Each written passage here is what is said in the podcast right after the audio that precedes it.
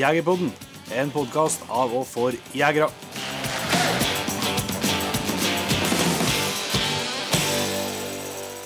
Hjertelig velkommen til en ny episode av Jegerpodden. Jeg heter Jon Petter Meldingen. Jeg heter Jon Ingevik. Jeg lurer faktisk på om uh, dagens episode, eller innspillinga starter sånn nå, så får jeg beklage at det blir eventuelt en, uh, en dobbeltvariant. Men det er en litt uh, spesiell episode gangen her. Vi er i en samproduksjon med podkasten Uteliv, som jeg vil tro at uh, mange av, av Jegerpoddens lyttere kjenner godt. Og temaet er jo litt uh, spesielt uh, ja, for deg og se ut som mindre Inge. Ja, det omhandler jo Det er jo det er en spesiell Jegerpodden-episode. For det, det omhandler jo en person som, som ikke er blant oss lenger. Det er en forfatter som er født og oppvokst i Nålskogan, og som senere forflytta seg til, til s- sørligere deler av Trøndelag. Eh, Men eh, som har eh, levna veldig, veldig mye bra bøker etter seg. Helt klart. Så det er en kar som heter for Oddbjørn eh, Linsebo, som dere eh, snart her skal bli bedre kjent med. Men eh, det som vi òg skal nevne eh, helt innledningsvis, her, det er at den episoden her, eh, innspillinga den, er òg filma. Så den eh, skal ligge på YouTube. Der eh, finner du, finner du filmen. Så hvis du har eh, lyst til både å høre og se, eh, eller gjøre begge delene, eller hva du har, du har lyst til, så, så ligger den der. Og i forbindelse skal vi si tusen takk til Lockbox, Lockbox Film, som har eh, bistått med det. Og samme til en Alexander på Big Five på, på Røra her. En uh, lokal jaktbutikk med et, uh, et bakrom, skal jeg si, som en perfekt lokasjon for eh, både møter og, og innspilling av sånne ting for oss jegere, i hvert fall. Ja.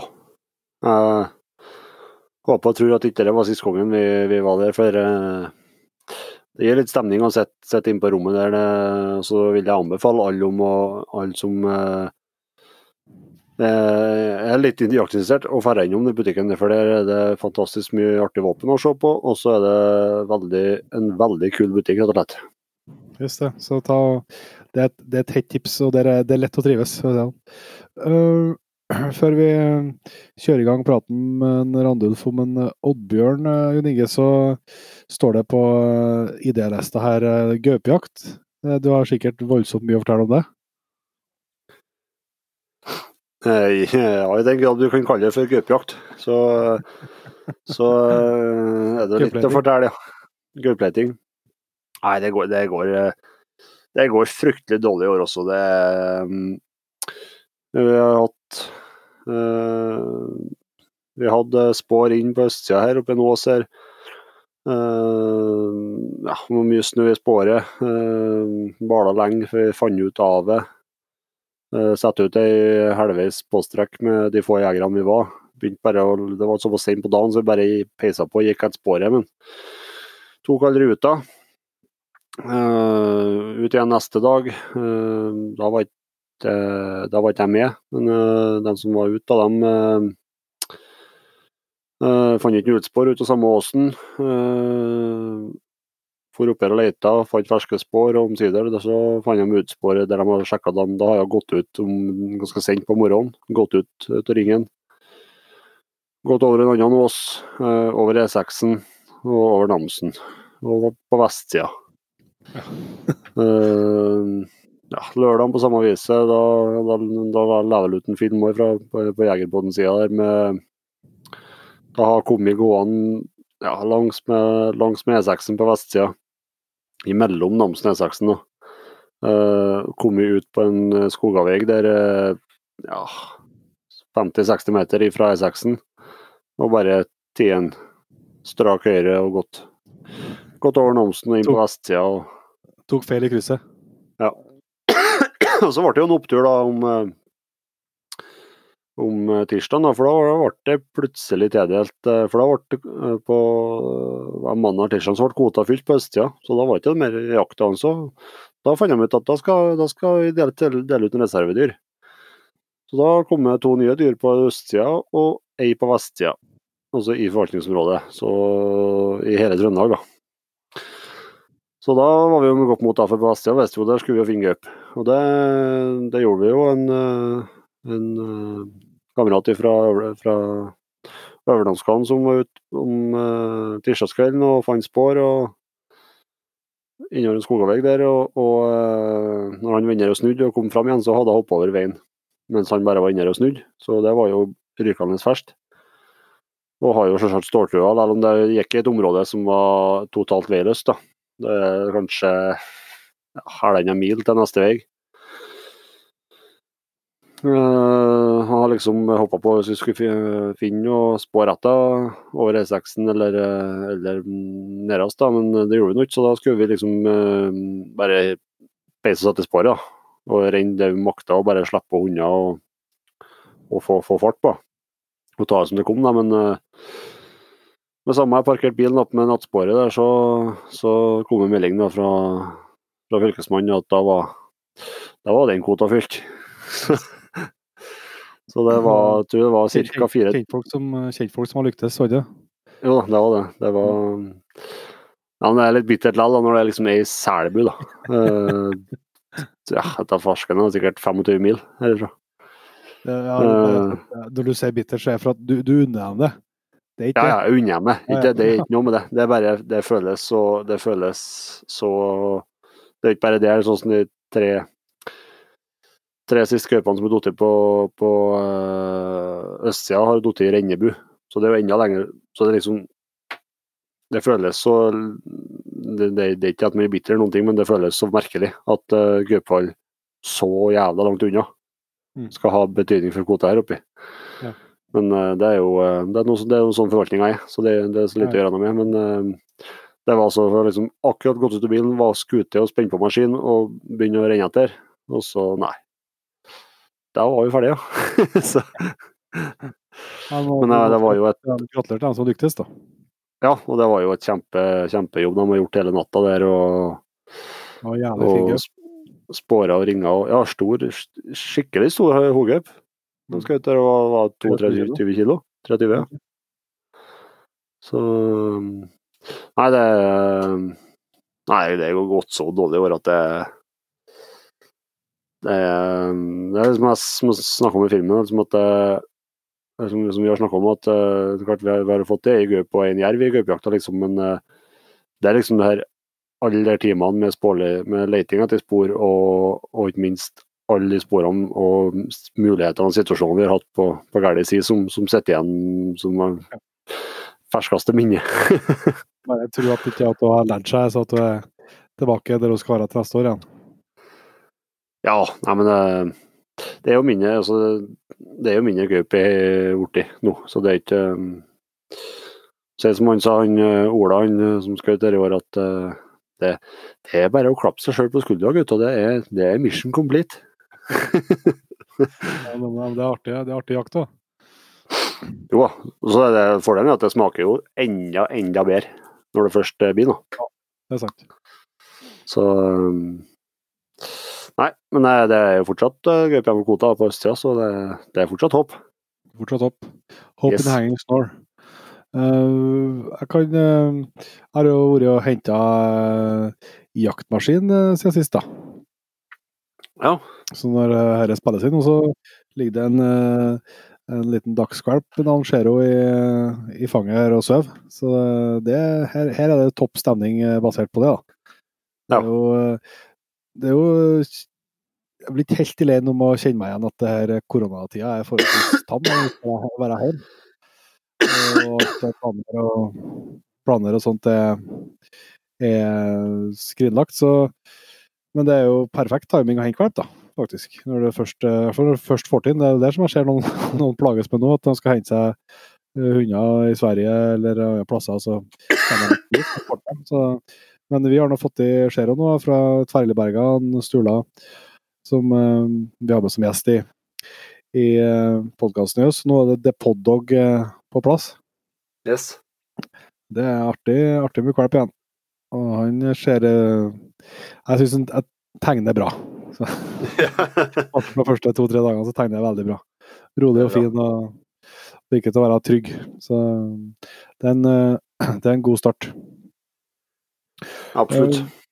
Men, eh, så det får vi jo komme tilbake til. Det blir jo eh, trening her framover eh, med mål om å få han her ettergodkjent, og, og selvsagt at det skal få bli noen loser utover til, til høsten. Det er jo det som er det store målet. og det, det virker ikke som det skal være noe feil på linjene her, i hvert fall. Så det, nå er det opp til en, opp til en sjøl. Det er opp til Brage. Ja, opp til Brage. Han, er- han tar det dønn seriøst. Så det Han har uh, gutten blir, han. Det er bra. Jeg skulle, hvis du kan få å slutte å hoste, da. Det, Ja, det er jeg, vet at du, jeg vet at du er koronatesta. Tror ikke det er så dumt. det. Nei da. Eh, Jeg håper på et positivt eh, eh, Negativt prøveresultat i morgen, heter det vel. Negativt. negativt. Vi får tro på det. Men uh, før vi slipper til praten, så skal jeg ta og nevne Vi var jo på siste episode at uh, vi uh, litt basert på den nye situasjonen alle står i, med den hverdagen som har blitt kasta over oss, så må jo vi jo tenke litt annerledes. Og da er det måten vi gjorde det på i starten, her, det var egentlig å spørre litt dere som eh, som er Patriens, og som er er med i Team Jegerpoden, og som engasjerer seg i det vi driver med. Og fikk masse gode tips der, og flere av dem har vi tatt tak i. Det første vi har jobba en del med nå, det er en vervekonkurranse. God gammeldags, rett og slett. Eh, nå har vi, har vi fått eh, den på plass, og den er aktiv. Og det funker da sånn at alle som er Patriens, eh, kan eh, verve nye Patriens. Og hvis eh, man verver en ny, så sender vi deg et klistremerke. Verver du to, så får du en, en kopp med, et, med, team, med Jegerpodden eh, Patriot på, og verver du tre, så får du en eh, caps. Og alle de her er jo sånn som du ikke får til på noen måte. Det er eneste måten å få tak i dem, er å, å verve. De blir ikke i noen nettbutikk eller eh, noen plass. Og så er det sånn at for hver eh, Patrion du verver, så, så får du òg ett lodd i trekking som vi skal kjøre på slutten av, eh, av året. Og der eh, har vi jo allerede klart å få tak i veldig mye eh, fine premier. Ja. Det blir mulig å vinne en Swarovski SLC 8x42, en håndkikkert fra Swarovski, så takk til dem. Mm.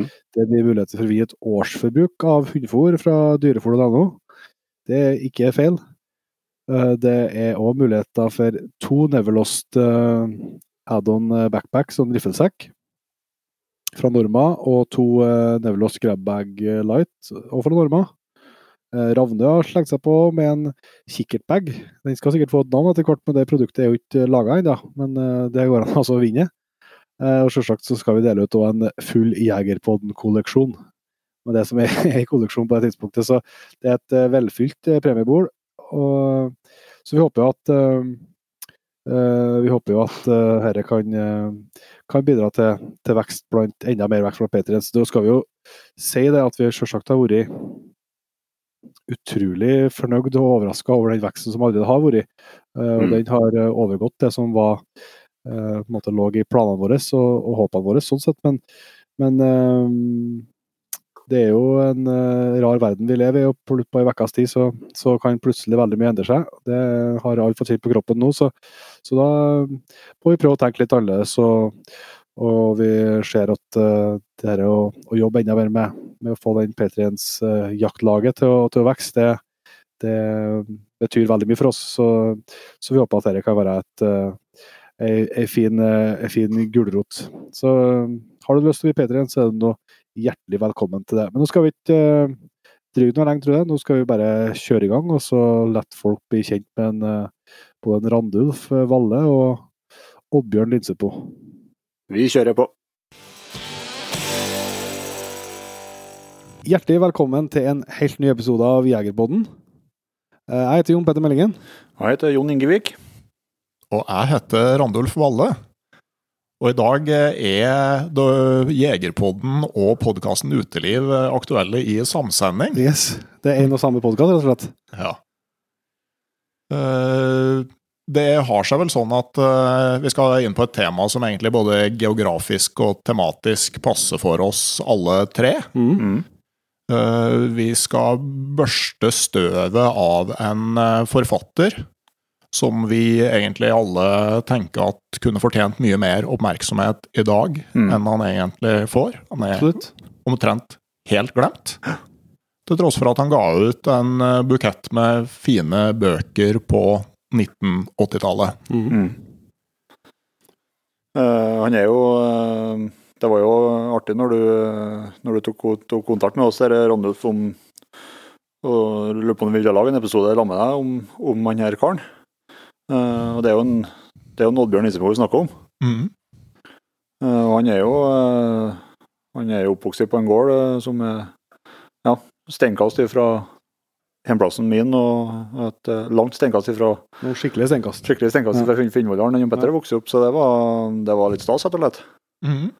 Ja, for, eh, for du Jon Inge, da, altså jeg har jo tenkt helt fra starten at jeg skulle lage en episode om Oddbjørn Lindsetmo, for det var en forfatter som, som jeg merka betydde ganske for mye for meg i barndommen. Altså, jeg er jo født i 1974, han bokdebuterte vel i 1982. Mm. Jeg var vel ikke med helt fra da, men det, det var ikke så veldig lenge etter det der at jeg oppdaga forfatterskapet hans. Jeg leste jo biblioteket tomt for sånne jakt- og fiske- og friluftslivbøker. og Mm. Karen Jørstad, velvillig bibliotekar, bestilte jo inn fra overalt. og en del av de bøkene har jeg prøvd å lese igjen i voksen alder og finne ut at det var ikke rare greiene, men, men Oddbjørn Lindsedmo har liksom festa seg som noe som hadde en litt mer sånn varig, varig påvirkning og verdi, og, og en del sånne tanker som jeg mener at har sin relevans i dag, kanskje i like stor grad som da det blei ble skrevet. Men jeg sendte jo til Facebook eh, Messengeren til Egerpodden og eh, da visste jo ikke jeg egentlig eh, hvem jeg fikk svar fra. Men jeg fikk, fikk svar med en gang at eh, yes, legend, For jeg spurte vel kjenner dere til Oddbjørn Lindsetmo? Ja, ja, ja. Og da kom det svar til en med en gang ja. Legendarisk eh, forfatter og jeger fra Namdalen. Så da, da regner jeg jo egentlig med at dere eh, kjente til det her, eh, begge to. Nei, jeg, jeg stifta tidlig bekjentskap med, med bøkene hans. Det var jo sånn jeg gikk på barneungdomsskolen, så var det jo en del pliktlesing da, av bøker. Og, og så jeg skal ikke ha på meg at det var noen leseorm akkurat. Så jeg slet med å finne bøker som jeg, som jeg setter pris på å lese. eh, Og det var ikke snakk om å lese noen romaner eller noen ting. Så jeg fikk omsider, det var far min da, som tipsa meg om, om bøkene til Oddbjørn. da, og, og fikk jo omsider overtalt eh, norsklæreren til at uh, hvis jeg skal lese, så må jeg få lese dette her. For det, det er noe som interesserer meg. Og det endte med at jeg satt og leste gjennom alle i hop, både i og utenfor skoletida. Og, og ja, det er jo stort sett eneste jeg har lest av bøker. Det er i hvert fall jeg har jo bladd en del i Pelsjegerliv til Ingstad og Mikkjel Fønhus og sånn, men eh, de bøkene jeg virkelig husker på, det er de bøkene her. Ja. Da, var det jo, eh, da hadde jeg ganske flaks med, med, med treff eh, akkurat der. da. Jeg kan si sånn på skolen, altså jeg, Det var ikke bare at jeg leste alle de bø bøkene. altså Gjennom hele ungdomsskolen så klarte jeg å vri alle stiloppgaver, sånn at jeg kunne skrive om jakt og fiske. og Jeg husker læreren min, det var jo Inger Enger, søstera til Anne Enger Landstein. eh, og var helt oppgitt. Du kan ikke bare skrive om fisking. Men jeg tenker, det er jo det jeg har eh, gjort til levebrødet mitt. Så eh, jo, Inger. Jeg kan bare skrive om eh, jakt, fiske og friluftsliv. Det det viste seg at det, det, det gikk bra, det. Ja, det, det spørs om det er et eksempel til etterfølgelse, men det funka for min del. Men, men eh, du Jon Petter, du, du hadde ikke noe forhold til Oddbjørn Lindsetmo fra før? Nei, det absolutt ikke. Og jeg syns rett og slett at det, det er merkelig, må jeg si. Eh, Jeg har jo lest ganske mye eh, av sånn type altså Alt som jeg kan komme over og sånt. Altså ja, hele Fønhus-serien og, og sånt har jeg vært gjennom flere ganger, og, og setter jo veldig stor pris på, på sånn, type, sånn type bøker. Eh, men har aldri hørt om det.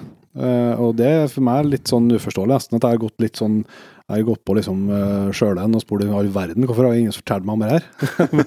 så jeg ikke jeg og spekulerer liksom på eh, at det er rart jeg ikke har fått noe gjennom skolegangen. Det er jo ikke så mye forfattere fra en liten kommune som Nanskogan, liksom, så, så selv om han ikke bodde i Nanskogan når, han, eh, skrev bøkene, så er jo der historiene stammer fra i, veldig stor grad. Mm. Og det er jo der han eh, har røttene sine. Så det er, helt sånn underlig at jeg ikke hadde Men det er jo litt som du sier, at eh, Eh, Det er jo bra at vi i hvert fall kan gjøre en liten innsats på å prøve å eh, børste litt støv av et, eh, et navn som fortjener å være mer kjent enn det kanskje er. da. Mm. Ja, nei, for bare sånn, det, første du gjør i dag når du skal finne noe info, er jo så klart å bruke Google. Mm. Mm. og det er jo i praksis ingen verdens ting som dukker opp når du søker på Oddbjørn Linseth-Moe. Det er treff på antikvariatsider på, på bøkene. Mm. Ellers er det i praksis ingen verdens ting. Og det, det, det syns jeg var litt trist. Så jeg tok, eh, tok kontakt med familien. Jeg har vært i kontakt med to av sønnene hans. Og sier tusen takk til familien for at vi i dag får lov å lese en del fra, fra bøkene. Og de, de syns jo òg at, at det er hyggelig. Ja. At vi, vi prøver å eh, kaste litt lys over forfatterskapet til Oddbjørn Linseth-Moe. Og bare for å liksom legge premissene for det vi skal gjennom i dag, da. Så eh, altså, det her er ikke noe sånn derre biografisk djupdykk hvor vi eh, kryssjekker med triple kilder og, eh, og sånne ting. Altså vi, vi, vi tenkte å, å, eh, å gå gjennom livet til Oddbjørn Linseth-Moe sånn som han sjøl beskriver det gjennom det han har eh, skrevet. Og hvis noen eh, vil gå på en sånn research-gravejobb utover det, så, så skal vel vi være de første til å danne fanklubb og heiagjeng for, for dem. Og legge oss flat hvis vi ser noe som viser seg å ikke være rett. Ja, det er, det er jo med de, med de beste intensjoner, i hvert fall. Mm. Men jeg er tenker, jo, ja, det er jo det som, det som jeg har gjort liksom historiene veldig spesielt for min del, grunnen til at jeg ble skikkelig gira på det, det var for at det er jo eh, Han kommer fra en gård som heter for Linsepmoen. Eh, og fra begynte å være med på jakt eh, liksom hele ja, si, hele elgjaktvekka fra 25., så jakta vi på et jaktfelt som heter. Og Det er liksom skogen som tidligere tilhørte gården, og områdene liksom innover der. og det så jeg, jeg kjenner jo igjen så mye stedsnavn. Og liksom alt han beskriver av ruta han går, og hvor han fisker, og hvor han stiller inn på elgene og sånn. Mesteparten av plassene kjenner jeg igjen. Av at jeg har jakta der siden jeg var jeg er vane med å jakte fra jeg var 10-11 år. Og jakta der sjøl, jakter jeg fortsatt ennå. Mm. I tillegg så har jeg vært gjeter og gjeta sau der hver dag hele sommeren i tre-fire år. Så liksom, det setter litt som ekstra spiss på, spiss på når en liksom er Du kjenner igjen så veldig godt, da. Ja.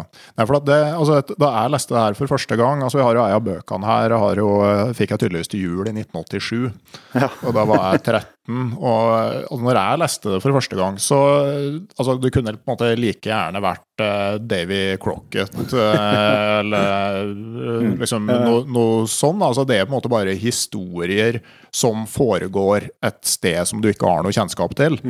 Eh, og så blir du litt eldre og så begynner du å skjønne på en måte hvor det her er hen. Men det jeg merka nå, jeg, det er jo noen år siden jeg har lest eh, Oddbjørn Linseth-Moe eh, liksom litt ordentlig. Mm.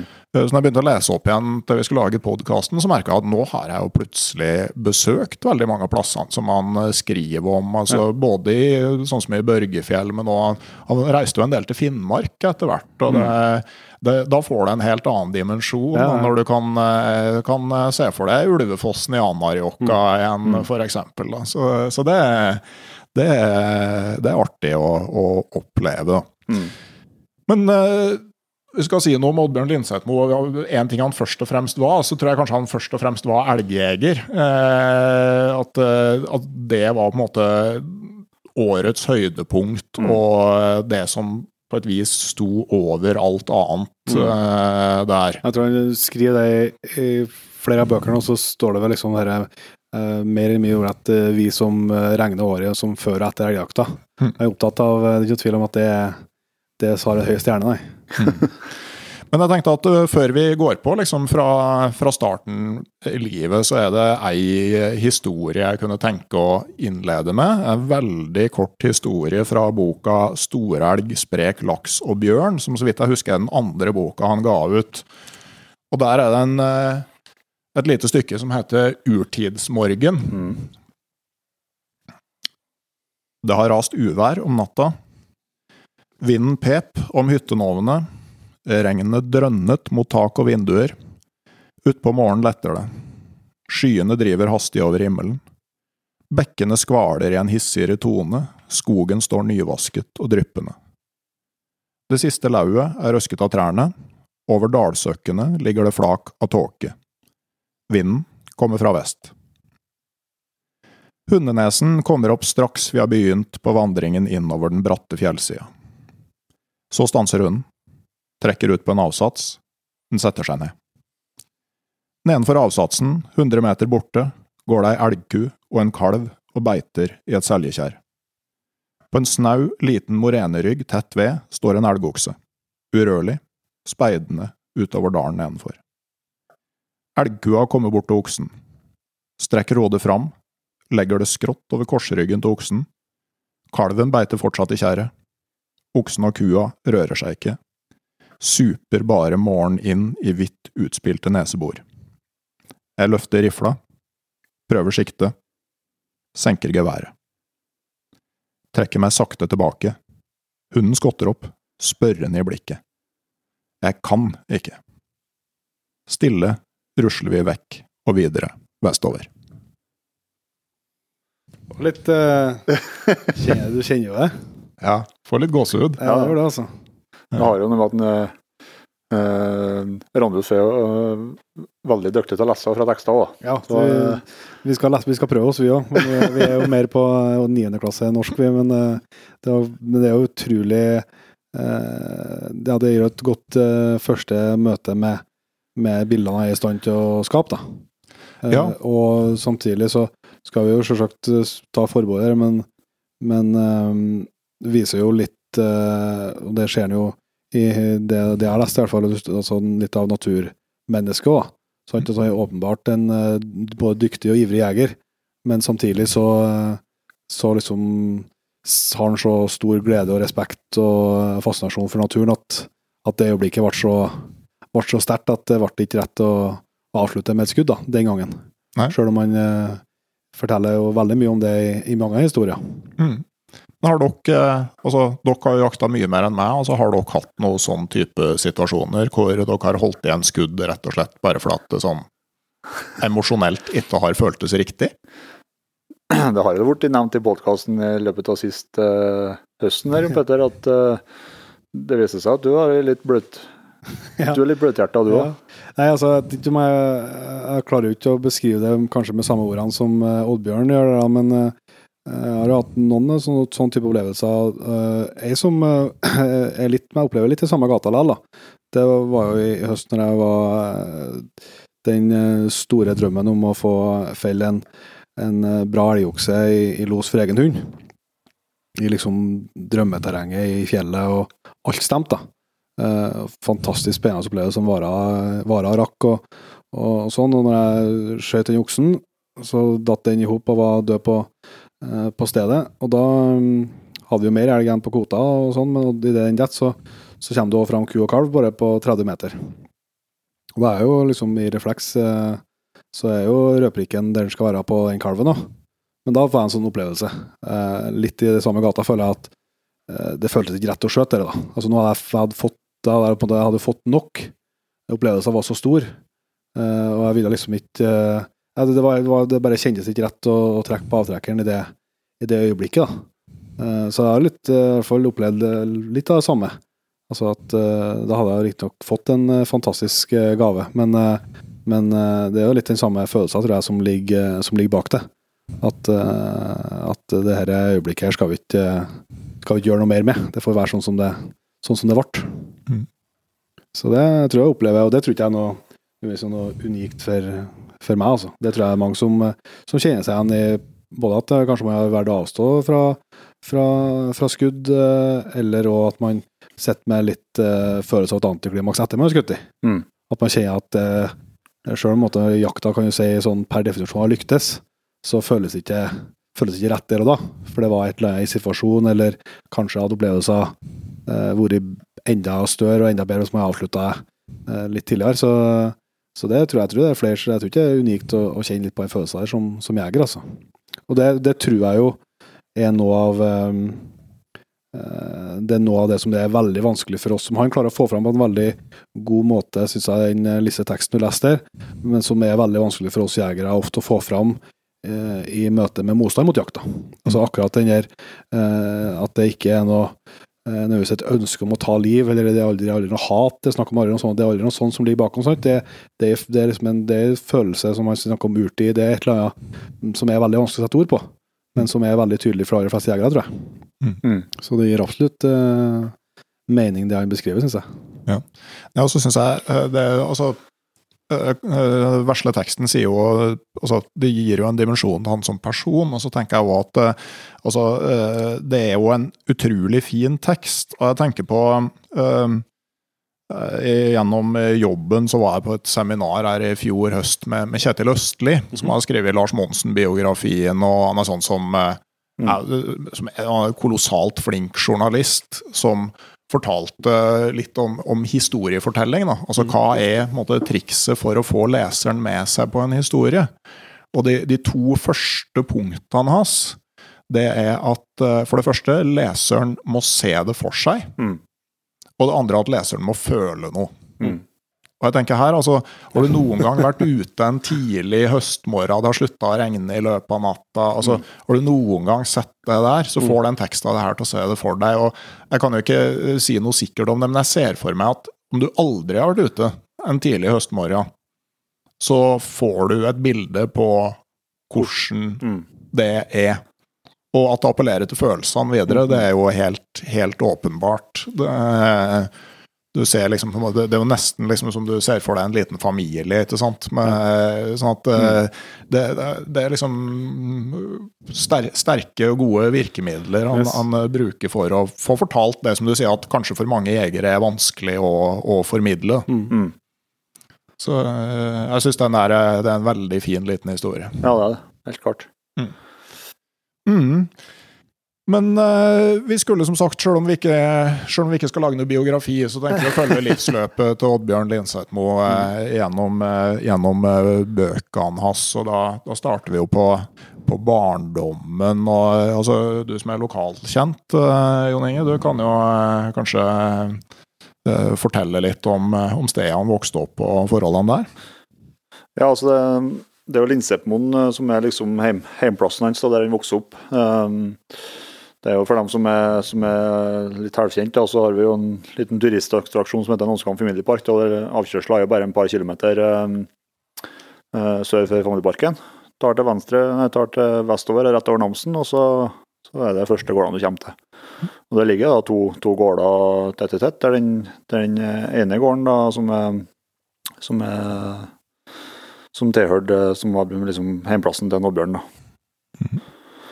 Eh, og der, der var jo broren hans uh, eide jo den gården helt fram til helt fram til de ikke ja, kunne, kunne leve av det lenger. da. Og han uh, Agnar het han, han var, det var en fining, han broren der. Han sant, han var jo på sånn måte med Oddbjørn, så var han Det var liksom elgvollet vårt der, der, der vi ledde til Statskog. da. Det var liksom, det var, der, det var plassen hans. Han har hytte midt inne i terrenget der. Eh, og da har han avkjøring på sida av veien. Uh, så var det sånn ste, steinfylling, så var det rett nedi, nedi et vann der, da. Eh, og han, eh, det var litt, bestandig litt skummelt å treffe en Agnar etter veien, for han, eh, han så, om han så i det hele tatt. Men det var i hvert fall veldig lite han så. Så når han, eh, på parkeringa hans der så kjørte han fram, og så skulle han rygge ut på denne fyllinga. Og der lå det lå det tømmerstokker på kanten av fyllinga. Så eh, han så så dårlig, så han rygga til han kjente at uh, bakhjulene butta til tømmerstokkene. Da, da parkerte han. da. Og han var jo en sånn eh, klassisk uh, gammel kar, liksom. Uh, de første, første årene når vi jakta der, så kom han liksom kjørende opptil flere ganger for dagene i en sånn gammel Datsun pickup opprøsta og greier. og Kom liksom kjørende og ville liksom høre hvor vi, hvor vi jakta hen, og om vi har fått noe, om vi har sett noe. Om vi gjorde, kanskje om vi gjorde det på rett måten, da. så det var Ja. De, de, de lever jo de, Det var jo skogen og jakta som var, var det store for dem. Mm. Så um, Mm. Det er noe med Når vi er på oppveksten der, og som eh, Nå er jeg som eh, av dere vet minst om en Oddbjørn, da, men som jeg har lest meg til i, i bøkene, så er det jo klart at det, eh, er jo tross alt ikke så veldig fjernt eh, i sånn historisk perspektiv. Altså det, vi er jo på, på eh, 30-tallet, men eh, Men eh, 20-30-tallet, men det er jo likevel liksom en verden som er, er fjern fra det vi kjenner i dag. Mm. Blant så var det jo en, selvsagt en tragedie for dem når han mista mora si som 13-åring allerede. Og da er liksom noen står at da, det var å være i skogen, da. Være med faren og begynne å arbeide i tømmerskogen. Eh, og det er klart at i Norge i 2020 så blir du på en måte kommandert eh, ut i, kommandert ut i skogen på, eh, på, som, som 13-åring, så, så er det jo en sånn VG, VG-sak, liksom. Mm. Så det er klart det er helt, helt annet liv, da. Men, ja. men det er jo tydelig at det er jo Det gir jo Altså det med jakt og fiske og friluftsliv her, det er ikke, det er ikke bare for eh, rekreasjon og, og, og interesser, det er jo en del av absolutt, absolutt av næring, næringsgrunnlaget, rett og slett. Mm. Ja, han, han skriver jo en del om det, hvordan sånn som eh, altså, altså naturen, eh, hvordan de brukte den, eh, og at både jakt og fiske var veldig sånn, viktig del av livsgrunnlaget på gårder, sånn som de drev med mye utmark og, Mm. og lite innmark. At du begynte med vårfiske i elva rett ved, ved gården og flytta fiske innover fjellet. og at både elgjakta og, og fuglevilt og, og pelsjakt var jo en av de få kildene til, til kroneinntekt. Mhm. Eh, At eh, det, det er virkelig ei, ei helt annen eh, tid. Han var jo født i 1935. Han var det. Mm. Eh, Så Og han skriver, de skriver at da, da krigen kom, så, så flytt, begynte familien å ta opp igjen seterbruken om, Mm. om sommeren. At de da flytta hele familien på setra sommerstid, antagelig for bedre å kunne utnytte ressursgrunnlaget som lå i, i fjellet. Da, sånn at, eh, men jeg vet jo sånn, min egen far er jo født i 1940. eh, han er jo født i desember, sånn at jeg har jo tenkt at farmora mi måtte jo finne ut at hun var gravid omtrent i april 1940. Ja. Liksom tenkt, Når du får unger sjøl og sånn, og tenkt litt på sånn, hvordan, hvordan føltes det. Men de, de fikk jo to unger til under krigen. Ja.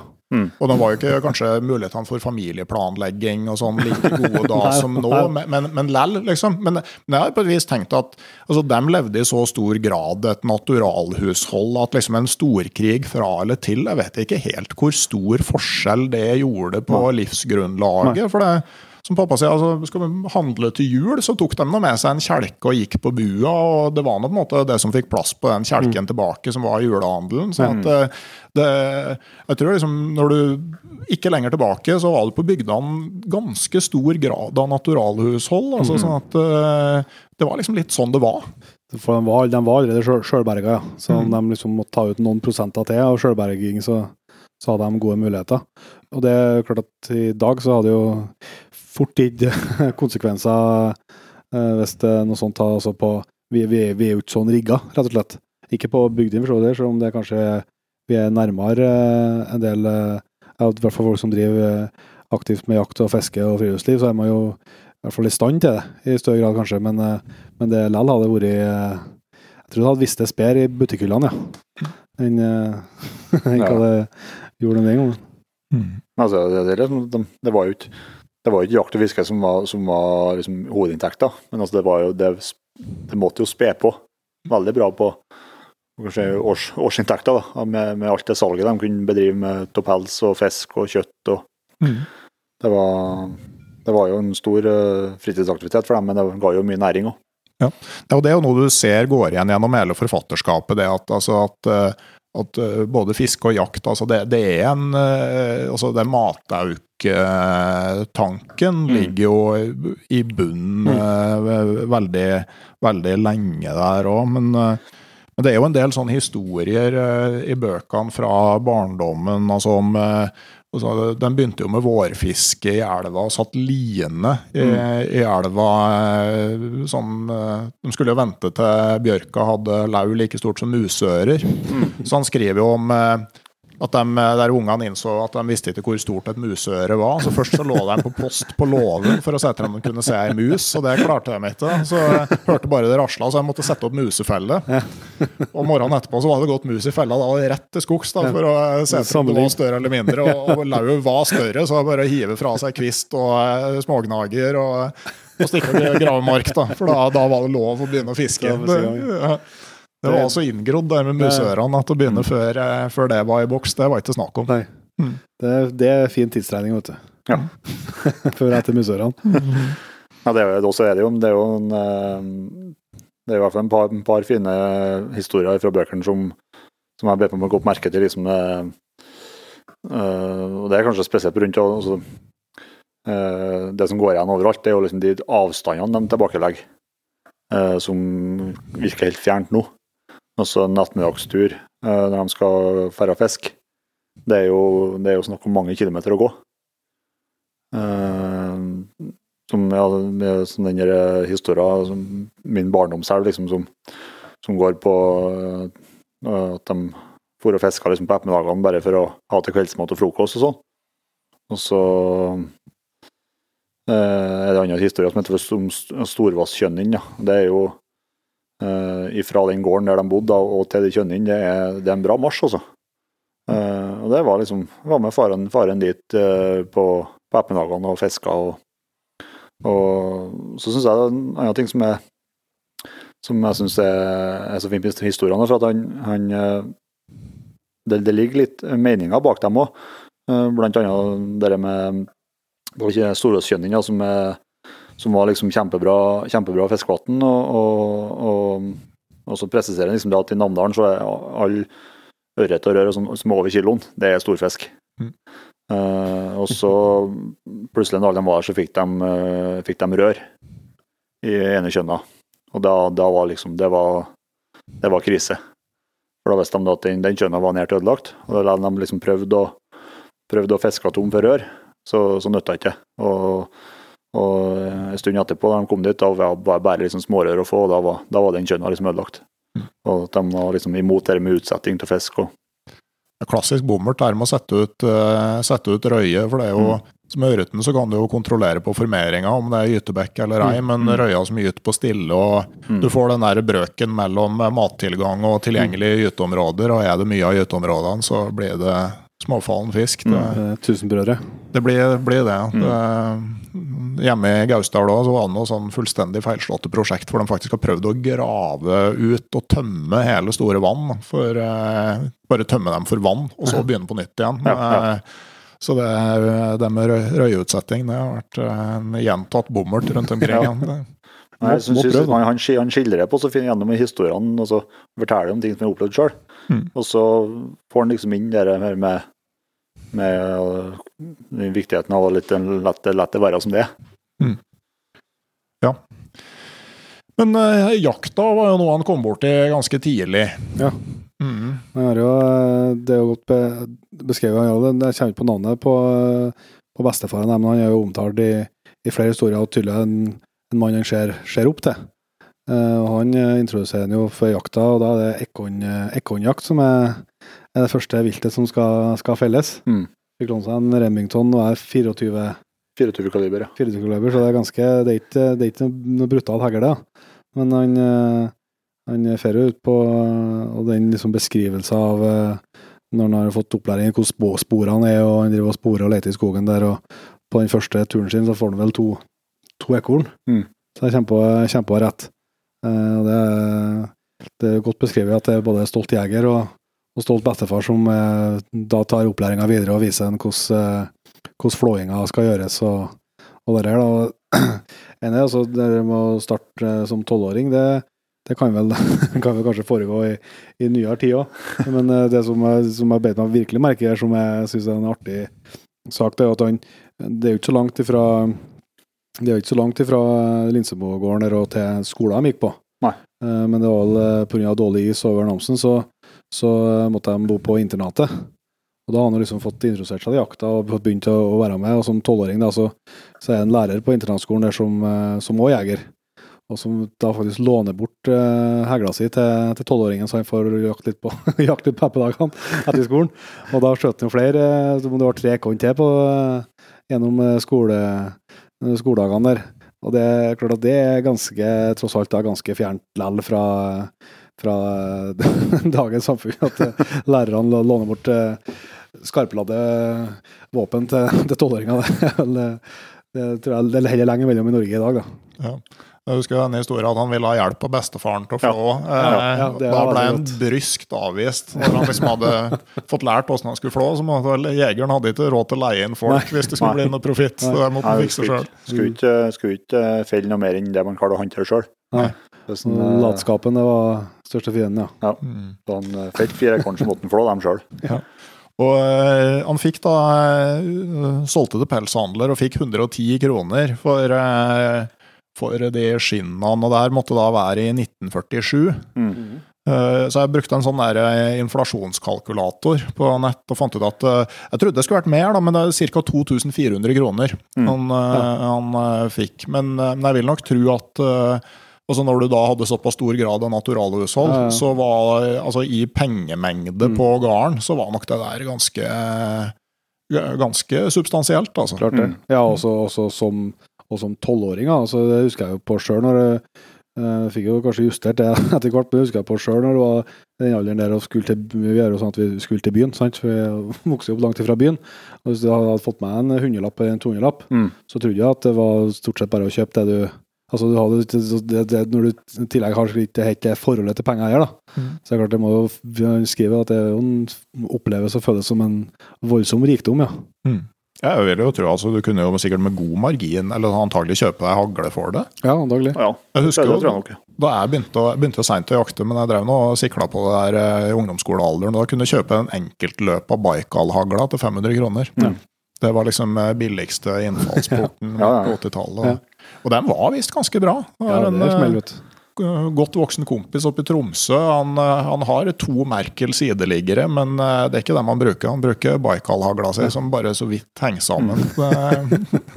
Nei, jeg starta jaktkarrieren min sjøl fram til jeg ble konfirmert med, Baikal.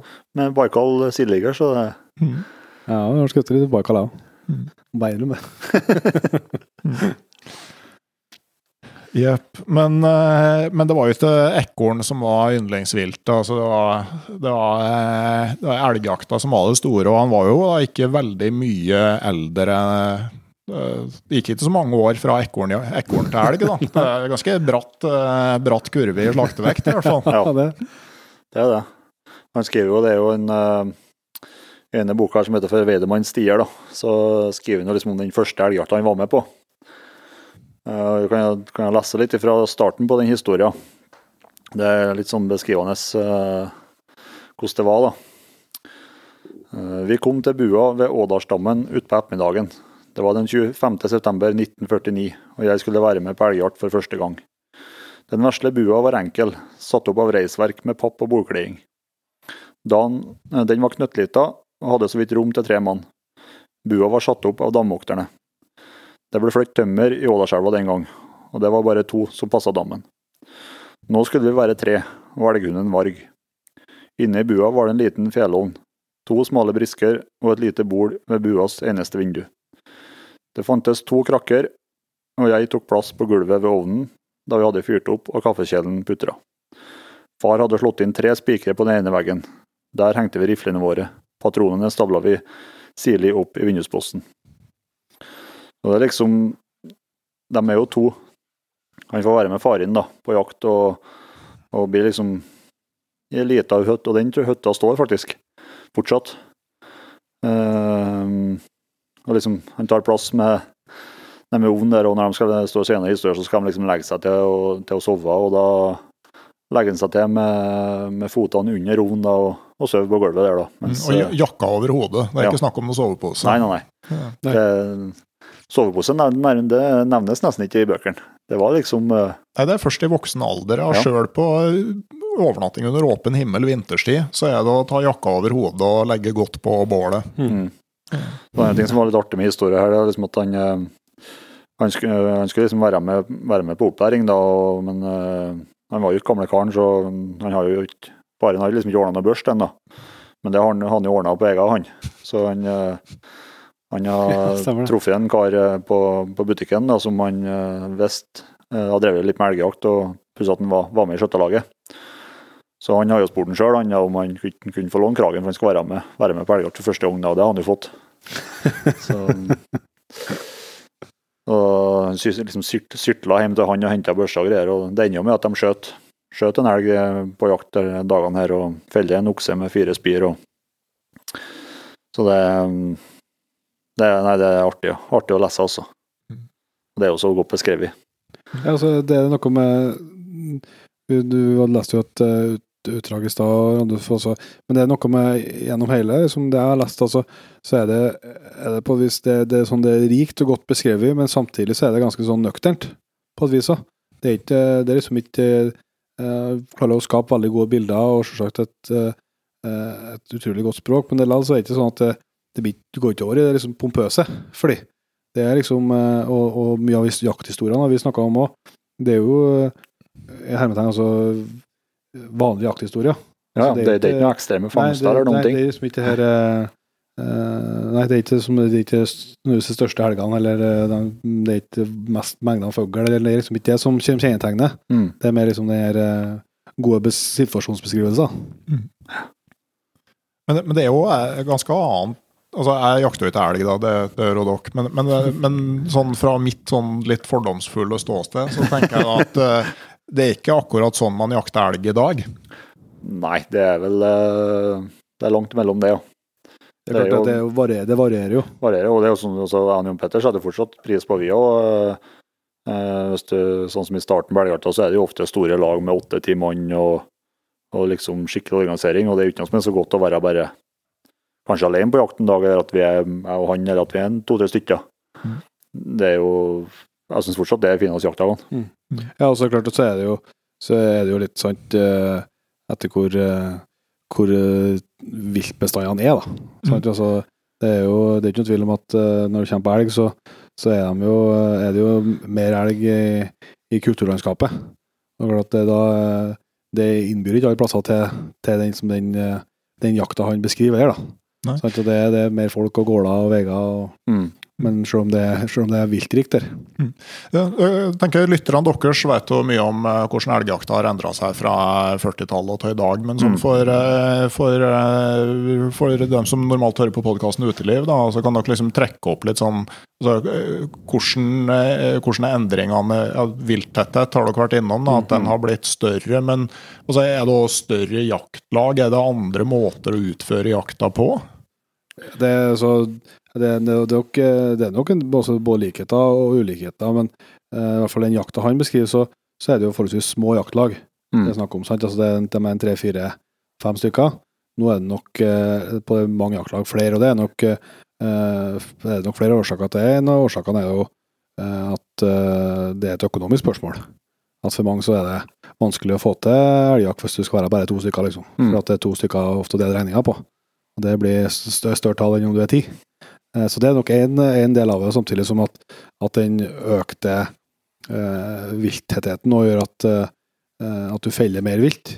Og det er jo, det er jo godt beskrevet i bøkene til Oddbjørn òg, men det er jo jobb med å ta vare på det viltet du feller.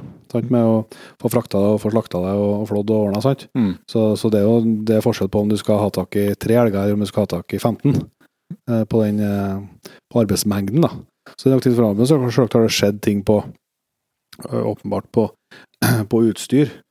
Uh, altså med Sjøl om egentlig så, så syns jeg det har skjedd så utrolig mye der. Når du, hvis du sammenligner veldig mange andre deler av samfunnet fra 40-tallet og fram til nå, så er jo selvsagt revolusjonen mener jeg, langt større enn, enn hva du finner i Elgskogen.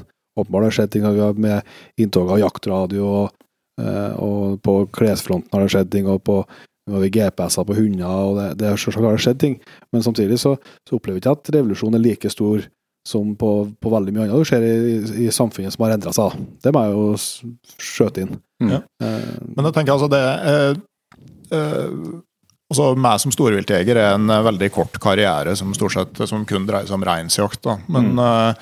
Uh, altså Det som tiltrekker meg med mye av den jakta som Oddbjørn Linseth må beskrive, er jo at du måtte stikke til skogs med en uh, sånn ryggsekk, en sånn Ludvig Bergansmeis, med ei øks og kanskje et brød og litt grann mat oppi, og ei øks og litt utstyr. Og så, og så vet du ikke helt hvor du kommer til å ende opp til kvelds. Nei. Du vet ikke når du kommer hjem, og du vet ikke helt hva du skal spise til middagen om tre dager. Nei. Eh, at eh, det er på en måte en, eh, liksom mer tur, Mm. ser jeg for meg, Mm. enn sånn som elgjakta kanskje er i dag, da. Ja, jo, jeg tror det, altså, men, men så, samtidig så jeg opplever jeg at det er store forskjeller på, på hvor du jakter. Ja, ja. For, For min egen del så har jeg der jeg jakter uh, mest elg, så der er det jo Der har vi jo 60 000 mål, og det er ikke en vei. Det er helt veiløst. Så der, der er det jo å gå Noen plasser kan du bruke båt, riktignok, men ellers så, så, så har du liksom ikke det hjelpemiddelet. Eh, mens andre plasser i jakter, så, så ser det jo helt annerledes ut i kulturlandskapet, sant, med veier på alle kanter, og det er små skogteiger du jakter gjennom. eh, der det er lettere å, å vite av. en- Men for vår del så er det jo mange ganger at vi kommer tilbake etter det blir mørkt, øh, og vi alltid, har alltid hodelykt i sekken, og du har liksom ikke noe formening om når, øh, når det blir middag, for å si det sånn. Så, så det er jo, det, det varierer nok øh, en del ut ifra både hvordan man ønsker å jakte, selvsagt, og, og, og hvor, man, øh, hvor man har jakta si. Det tror jeg nok, men, men det er klart at han, det er noe med det her veldig, veldig enkle eh, friluftslivet og jakta som han, som du sier, som med at han, han klarer seg med det han har i en liten sekk. Eh, og så og så er han så er han bort, på et vis, fra, fra resten av verden. Mm. Det er nok, eh, er nok lenger, lenger mellom i, i, i dagens eh, jegerstand enn det var da, ja, tror jeg nok. Så tror jeg, så tror jeg elgen har forandra seg veldig mye òg, på de årene der. Og så ser jo mm, en, ja, en del av de jaktutstyret han, beskriver, så, så eh, starter meg på en plass der jeg, ja, som jeg vet, vet hvor er da. Og, så, og der går driveren på med hund, og så posterer de på en annen plass. Uh, at elgen var mye mer uh, Ja, uh, ble fortere støkt og sprang lenger og var, var mye mer sky. Mhm. Eh, så, så de drevene de hadde det, det er jo sånn drev Der har vi kanskje gjerne ja, På den, den fjellsida så har vi kanskje tre-fire drev nå i dag. Men han, hvis de først, først tok løs elgen, så, så sprang han mye lenger og, og, og var mye mer sky før, da, har jeg et inntrykk av gjennom å, å lese det. Mm. Det som står beskrevet, ja. Men så er det jo, så er det, men det er jo artig eh, skal for å si ting om utstyret, sant, eh, hvordan det har eh, endra seg. og Der er jo både sånne ting ja, Rundt klær, han har jo skrevet den boka som heter 'Elgjakt med, med ledehund', som kanskje også skiller seg litt fra en del andre bøkene, med litt mer sånn ja, Kanskje om ikke opplæringsbok, det er jo kanskje å overdrive, men, som er litt mer sånn tematisk, da, på en jaktform. Og Der snakker han jo om, om hva han, han bruker av utstyr, og det eh, med f.eks. klær. Det er artig å lese for at han eh, beskriver jo jakt som, eh, som starta eh, ja, på 40-50-tallet, og, og bøkene er jo skrevet senere enn det, men eh, blant annet på klær så vil jo være lydløs, så er liksom det vadmel Mm. som gjelder. Og det har jo selvsagt skjedd mye på membranfronten i verden de siste eh, 20-30 årene, men, eh, men akkurat når du skal være lydløs, så er det fortsatt eh, sier jo det vadmel som er det beste alternativet. Det har kommet noe flis og sånt, men eh, det når liksom ikke opp til vadmel likevel.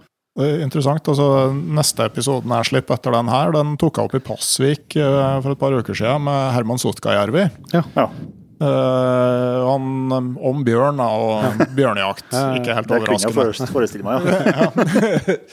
Og han er helt tydelig på Han drar til Finland og kjøper jaktklær i, i, i Vømmøla, for eh, det er bare det som duger når du skal ferdes lydløst. Han mente at uh, jaktradioer har redda livet til veldig mange, både elg og bjørn. Ja, ja, det er nok eh, Det er nok eh, Men jeg tror nok den har eh, bidratt til at det har blitt flere fall òg.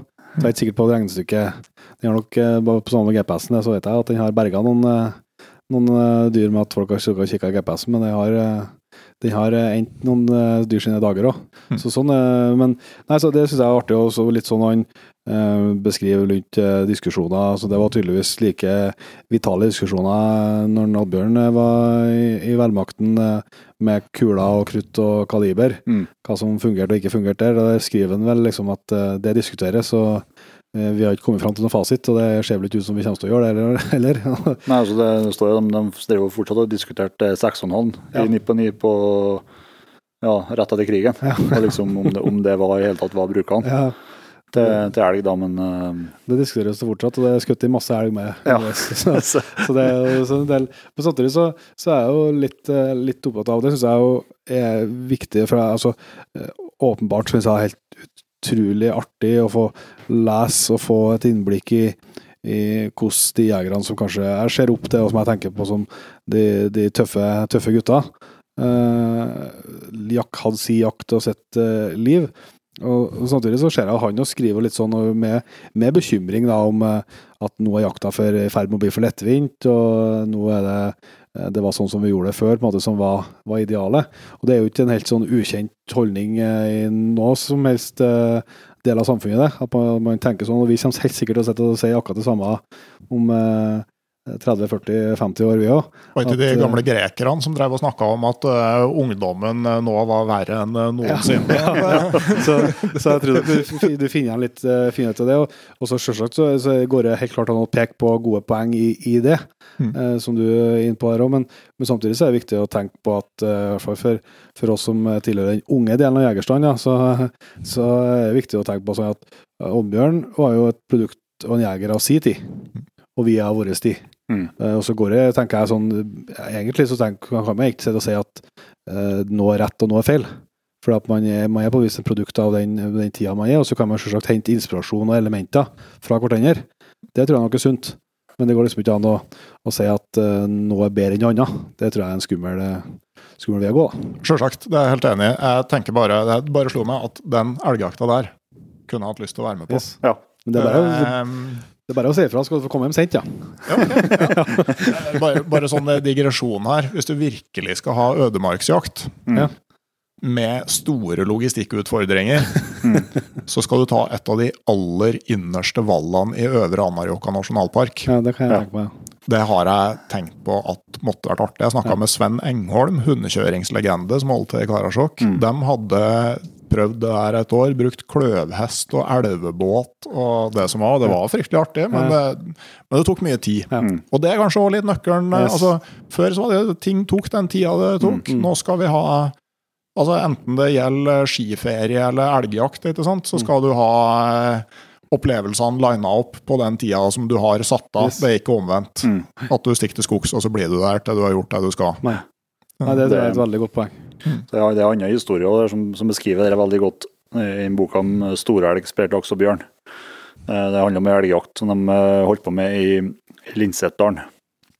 Eh, det er en ja, jeg anbefaler alle å ta turen dit. Nå kan du kjøre bil nesten fram til enden på dalen. Uh, og Det er, sånn, det er et flott område, for det, det er elv i bunnen hele turen, og så er det veldig bratt i, kanten, i kantene i starten og ulendt terreng. Men så når du kommer noen kilometer innover, så, så flater det ut, og det er, det er, ja, er som villmark inni her, og det er helt ypperlig. Uh, og sjølsagt godt beskrevet i boka. Det er sånn, de, de jakta der en dag da det var, de var uh, tre brødre, og så var det en far sjøl, da. sånn Oddbjørn og Agnar og og broren til, og så faren. Og eh, De jakta der en dag, og da liksom, ja, når det nærma seg slutten på dagen, så fikk de se at det var sto elg innerst inne i dalen. Eh, og konkluderte med at eh, dette her rekker vi ikke i dag, så da mm, tar vi den neste dag. Og da, da er det, ikke å gå ned til bilen og kjøre hjem til gården. Da går de ned, og så er det hest tilbake til gården, og sikkert sendt fram når det er mørkt og sent. Og så er det på ny inn dagen etterpå. Da tar de en annen vei da, via, via Stromdalen og Tverradalen over fjellet. Uh, og Da har det blitt snø om natta og dårlig sikt, men de kommer omsider inn i dalen der og, og får uh, omsider se, se en elgfamilien der da, med, med, en stor okse og ku og kalv. Og, og ene broren uh, tar, tar, med seg hund og, og skal gå seg inn på elgene, mens de tre andre skal postere. og De kommer seg liksom nedom, nedom de har fått sett dem i kikkert. og og kommer seg nedom, nedom elgene. og Så faren og, og Toto Bjørn da legger seg ned og skjøter ett skudd samtidig på oksen, og den, den klapper opp. Da Da, da, da er det på dag to av den jakta. Og så er det jo å, å vomme ut og klargjøre den der, og det er ikke snakk om at de da er de også over en mil fra nærmeste vei de kan kjøre med hest. Og da øh, er det jo å klargjøre den, og så ned igjen. Ned til gården, og så opp igjen og nedpå.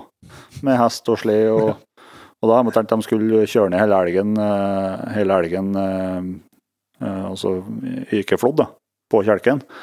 Men den var jo rimelig stor. da, jeg tror den var, Det var en tolvspiring, ja. Skikkelig stanghornokse på 327 kilo, ferdig slakta.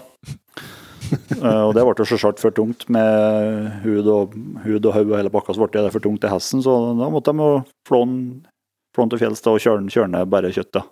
Mm -hmm. Ei mil i dårlig terreng på snøføre. Og det var jo med livet som innsats både for jegere og hest. da. Ja, det er der den beskriver den hesten som ja. på et punkt tydelig forstår at uh, det her er farlig, Mm. og at nå eh, gjelder det liksom Et- å ta ett skritt om gangen og Ja. sørge for at du har eh, godt feste. Ja, det Du får jobba. Eh, Skal vi ta og flytte oss videre til, til ungdomstida? Mm. For det, det ble jo ikke noe mye skolegang på, på Oddbjørn Lindseitmo. Han, eh, Mora døde da han var 13, Mm. og det bars rett til, til skogs.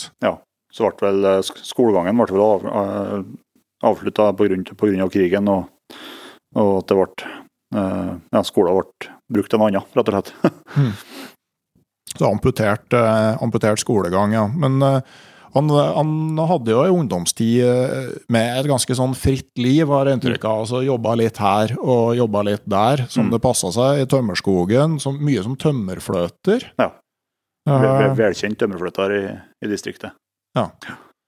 Og, eh, og det Der òg, altså han, han skriver jo om, eh, om eh, det derre tømmerfløtelivet, og, og i hvert fall sånn når han skriver om det i ettertid, så framstår det som en veldig sånn her fri Mm. tilværelse. Men, men det, de måtte jo jobbe ekstremt lange dager og tungt fysisk arbeid. Men det virka som noe av det at du hadde ikke noen sjef som sto og fulgte med på deg, eller noe sånt. At det er noe med det der som skapte en frihet. Da. Mm.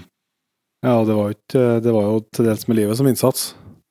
Å få med, få med tømmerlasset nedover elva. da. Ja, det var, så var det liksom en av historiene, han liksom vært på jobb i, i fem uker da, og bodd ut. Og, og det var ikke bestandig de hadde hytta heller. Altså, det var snakk om å ordne seg bareseng på under ei skikkelig krån og, og fiska på etter når de var ferdig med tømmeret. Og det å stoppa for dagen, så var det ved fisk for å få seg medaljer til kvelds. så Mm. det var det var rekka som et liv som liksom det batt seg i hop med at de ordna maten sin på egen hånd. Selv om de var på arbeid. da. Ja, ja, i hvert fall til, til en eh, viss grad. Ja. Han, han skriver jo òg, men eh, altså at eh, det der med tømmerfløtinga, at, som jeg sier, at det var jo skikkelig farlig, spesielt når, eh, når det satte seg fast i, i bindinger. Mm. Eh, Han ble jo henta til å ta hånd om en sånn spesiell binding. Det var jo ja, det, vi, det vi i dag kaller for headhunting. det var, for da hadde han jo vært fem, fem uker på arbeid og hadde tatt seg noen fridager og stå hjemme og kløy ved. Så kom jo han basen, da. Uh, og hjem til ham på gården, han sto og kløy ved og lurte på om han kunne komme og, komme og hjelpe dem. da. For da hadde var låst seg skikkelig oppi danserhullet, da. Det er et eh, bra stryk og bra fossefall oppi der, og der hadde tømmeret helt låst seg. Og uh, det var ingen av de tømmerflytterne og arbeiderne som var der, som torsa utpå. Da måtte jo til han, da, for han var jo kjent for å være veldig lett på foten og, og, og flink. da. Det som var største argumentet med at de ville ha han det var for at han var eneste som var ugift. Så det var liksom ikke noen som satt hjemme og venta på han da, hvis det skulle gå galt. Og det er ganske ekstremt å springe ut altså Det er jo snakk om å springe på tømmerstokker som ligger og flyter i vannet. Mm. Og kun ved hjelp av eh, De drev og sprengte løs litt eh, tømmer og sånn for å få løst, men det der var det altså å bruke hakene og, og finne den stokken som, som låste alt. da. Mm. -hmm. og det står jo godt beskrevet i den historien der. Han, han, han finner den stokken, og, og da sier jo bare pang, og da løsner jo Mm. Da blir det jo plutselig fart, da. Og da er det jo å humpe seg av gårde bortover eh, bortover eh, tømmerstokkene som er har kjøpt, og spredt på dem så du kommer deg. Kommer og da, da hang det en, en stige ned fra berget der basen og han satt, de satt, de kunne ikke gjøre noe, de satt og bare kikka på. Det hang det en stige der som han eh, måtte ta sats da, på sist tømmerstokken og hoppe opp og få tak med hendene, for hvis ikke så ble han med i dragsuget ned igjennom. Så det er et tøft liv, ja. Ja, det var da han, eh, når han kom opp, hadde han eh, uttalte at da dere klarer vel resten, dere som er gift. Det er ganske sterkt meldt. han eh, skrev, beskrev jo at han var rimelig skjelven etter Ja, det ja, der. Ja. Ja, Nei, jeg kommer liksom stadig tilbake til dere. Altså, for at når du liksom ser på et sånn historisk perspektiv, så ser jeg så Det er så kort tid siden. Mm. Men samtidig så utrolig annerledes. Ja, ja. Så jeg altså, Se for deg at du Altså, i dagens velferdssamfunn, liksom at det skal komme en sjef liksom og si at uh, vi har gått gjennom arbeidsstokken, og det er minst konsekvenser hvis det er du som ryker. Ja. Så du kan ikke komme, altså, det, det er helt, altså, helt sånn utenkelig, selvsagt. Ja. Eh, på godt og vondt, åpenbart. Men, eh, men Ja, det det, er jo, når alt kommer til alt, så er det jo mye på godt. da. At, Jo, jo, jo, at absolutt, du- absolutt. at ingen forventer at du skal sette livet på spill på, eh, på, på jobb, er jo i utgangspunktet en positiv ting, tenker jeg. det er luksus. Så, men det der med skogsarbeidet var jo farlig. Jeg husker I Gausdal så har vi en kar som heter Jarle By, som liksom har samla historien om alt av utmarksområder i hele kommunen. Og Første boka hans var om skogsdrifta, blant annet. Jeg husker en sånn oversikt over dødsfall i skogen. Mm. Og det var mange, altså. Mm. Altså Felte tre utover seg, det var fløting, og jeg husker spesielt en som snubla over en barkespade som sto eh, med skarpe ender opp i, i snøen. Altså Det var det liksom så utrolig mye ting som kunne gå gærent der. Ja. HMS-en var ikke helt der den var i dag. Nei. i dag. Jeg ser jo Når du ser sånne amerikanske TV-serier om dagens skogdrift, så virker det som at de i USA er fortsatt sånn. Ja. Det er så vidt de berger hver eneste dag. Men det var nok uh, tøffere, tøffere enn tida her, altså. Mm. Jeg tror det er ekstra hardt å overleve på Discovery Channel. Ja, det virker sånn. det, det virker Hvis du overlever den første sesongen, så må du for all del ikke signe opp for en til. Nei, det virker sånn. Så, men eh, han eh, Oddbjørn Linseth-Moe var jo òg FN-soldat i to runder. Og i tillegg så, så hadde han jo perioder i ungdommen hvor han bare levde det, det gode liv. Og eh, vi har vel ei historie om det. Ja. Mm. Det, jeg beit meg merke i skal lese et lite utdrag eh, egentlig da ifra eh, i et kapittel som i denne her eh, Veidemanns stier, som heter for Geisli tiur. Men det er, det er den innledninga på historien her som, eh, som fascinerte meg, og det handler nok sikkert om at eh, eh, jeg kjenner meg igjen i, i følelser han beskriver, og, og har mange ganger tenkt på, tenkt på å gjøre det samme. Vi kommer tilbake til det. Det startet den 15. september. Jeg arbeidet på et kraftanlegg. Vi begynte arbeidsdagen klokka seks. På vei til arbeidsbussen gikk jeg gjennom en skog, og akkurat denne morgenen rant sola mens jeg var på vei gjennom skogen. Solstrålene kastet lysrimler mellom granstammene. Jeg så mot sør. På Heimdalshaugen lyste det hvitt av nysnø. Den lå som ei kappe av hvitt gull over det mektige fjellet. Da den kom da kom det veltende på meg alt sammen. Rypefjella i vest, flammende og flammende septemberskog, kaffebål ved en bekk og hastige skudd etter ryper som letter. Oppe i anlegget lette jeg opp anleggsbasen og fortalte at jeg sluttet der og da. Mumlet om, han mumlet noe om kort varsel, eh, men jeg sa at jeg, han måtte se seg rundt. Dessuten var det den 15. september i dag. Basen var jeger sjøl, og han forsto. Det er ja, jeg tror at eh, det ikke er helt, eh, helt ukjent, den eh, følelsen av at jeg skulle ikke bare sagt opp, da. Når vi nærmer oss 15. september, eh, for mange jegere har i hvert fall hatt den, den følelsen ganske langt fram i pannebrasken de aller fleste høstene etter jeg ble yrkesaktiv, for å si det sånn. Og eh, vi har jo en felles bekjent med, en, med Jens Kvernmo, Mm. som det er også lett å tenke på i, når du leser er jo det, så, er jo det er er og så er det så godt det er, så, det er på vis det, det er på noen få avsnitt så skjønner du hvorfor han sier opp, og det, det er velbegrunna på et vis. Så Eh, skulle så, du på en måte ønske at du turte å gjøre det samme Ja, sjøl? ja, og så er liksom det, det er velbegrunna, du trenger ikke å si noe mer om det. Og som var basen, han var jeger sjøl, og så sa ikke Det ble ikke det. det ble, og så der går historia videre. Mm. Eh, så det er klart at det var nok i ungdomstida at eh, f- ganske fritt, som du sier, liv, og kanskje ikke de største forpliktelsene.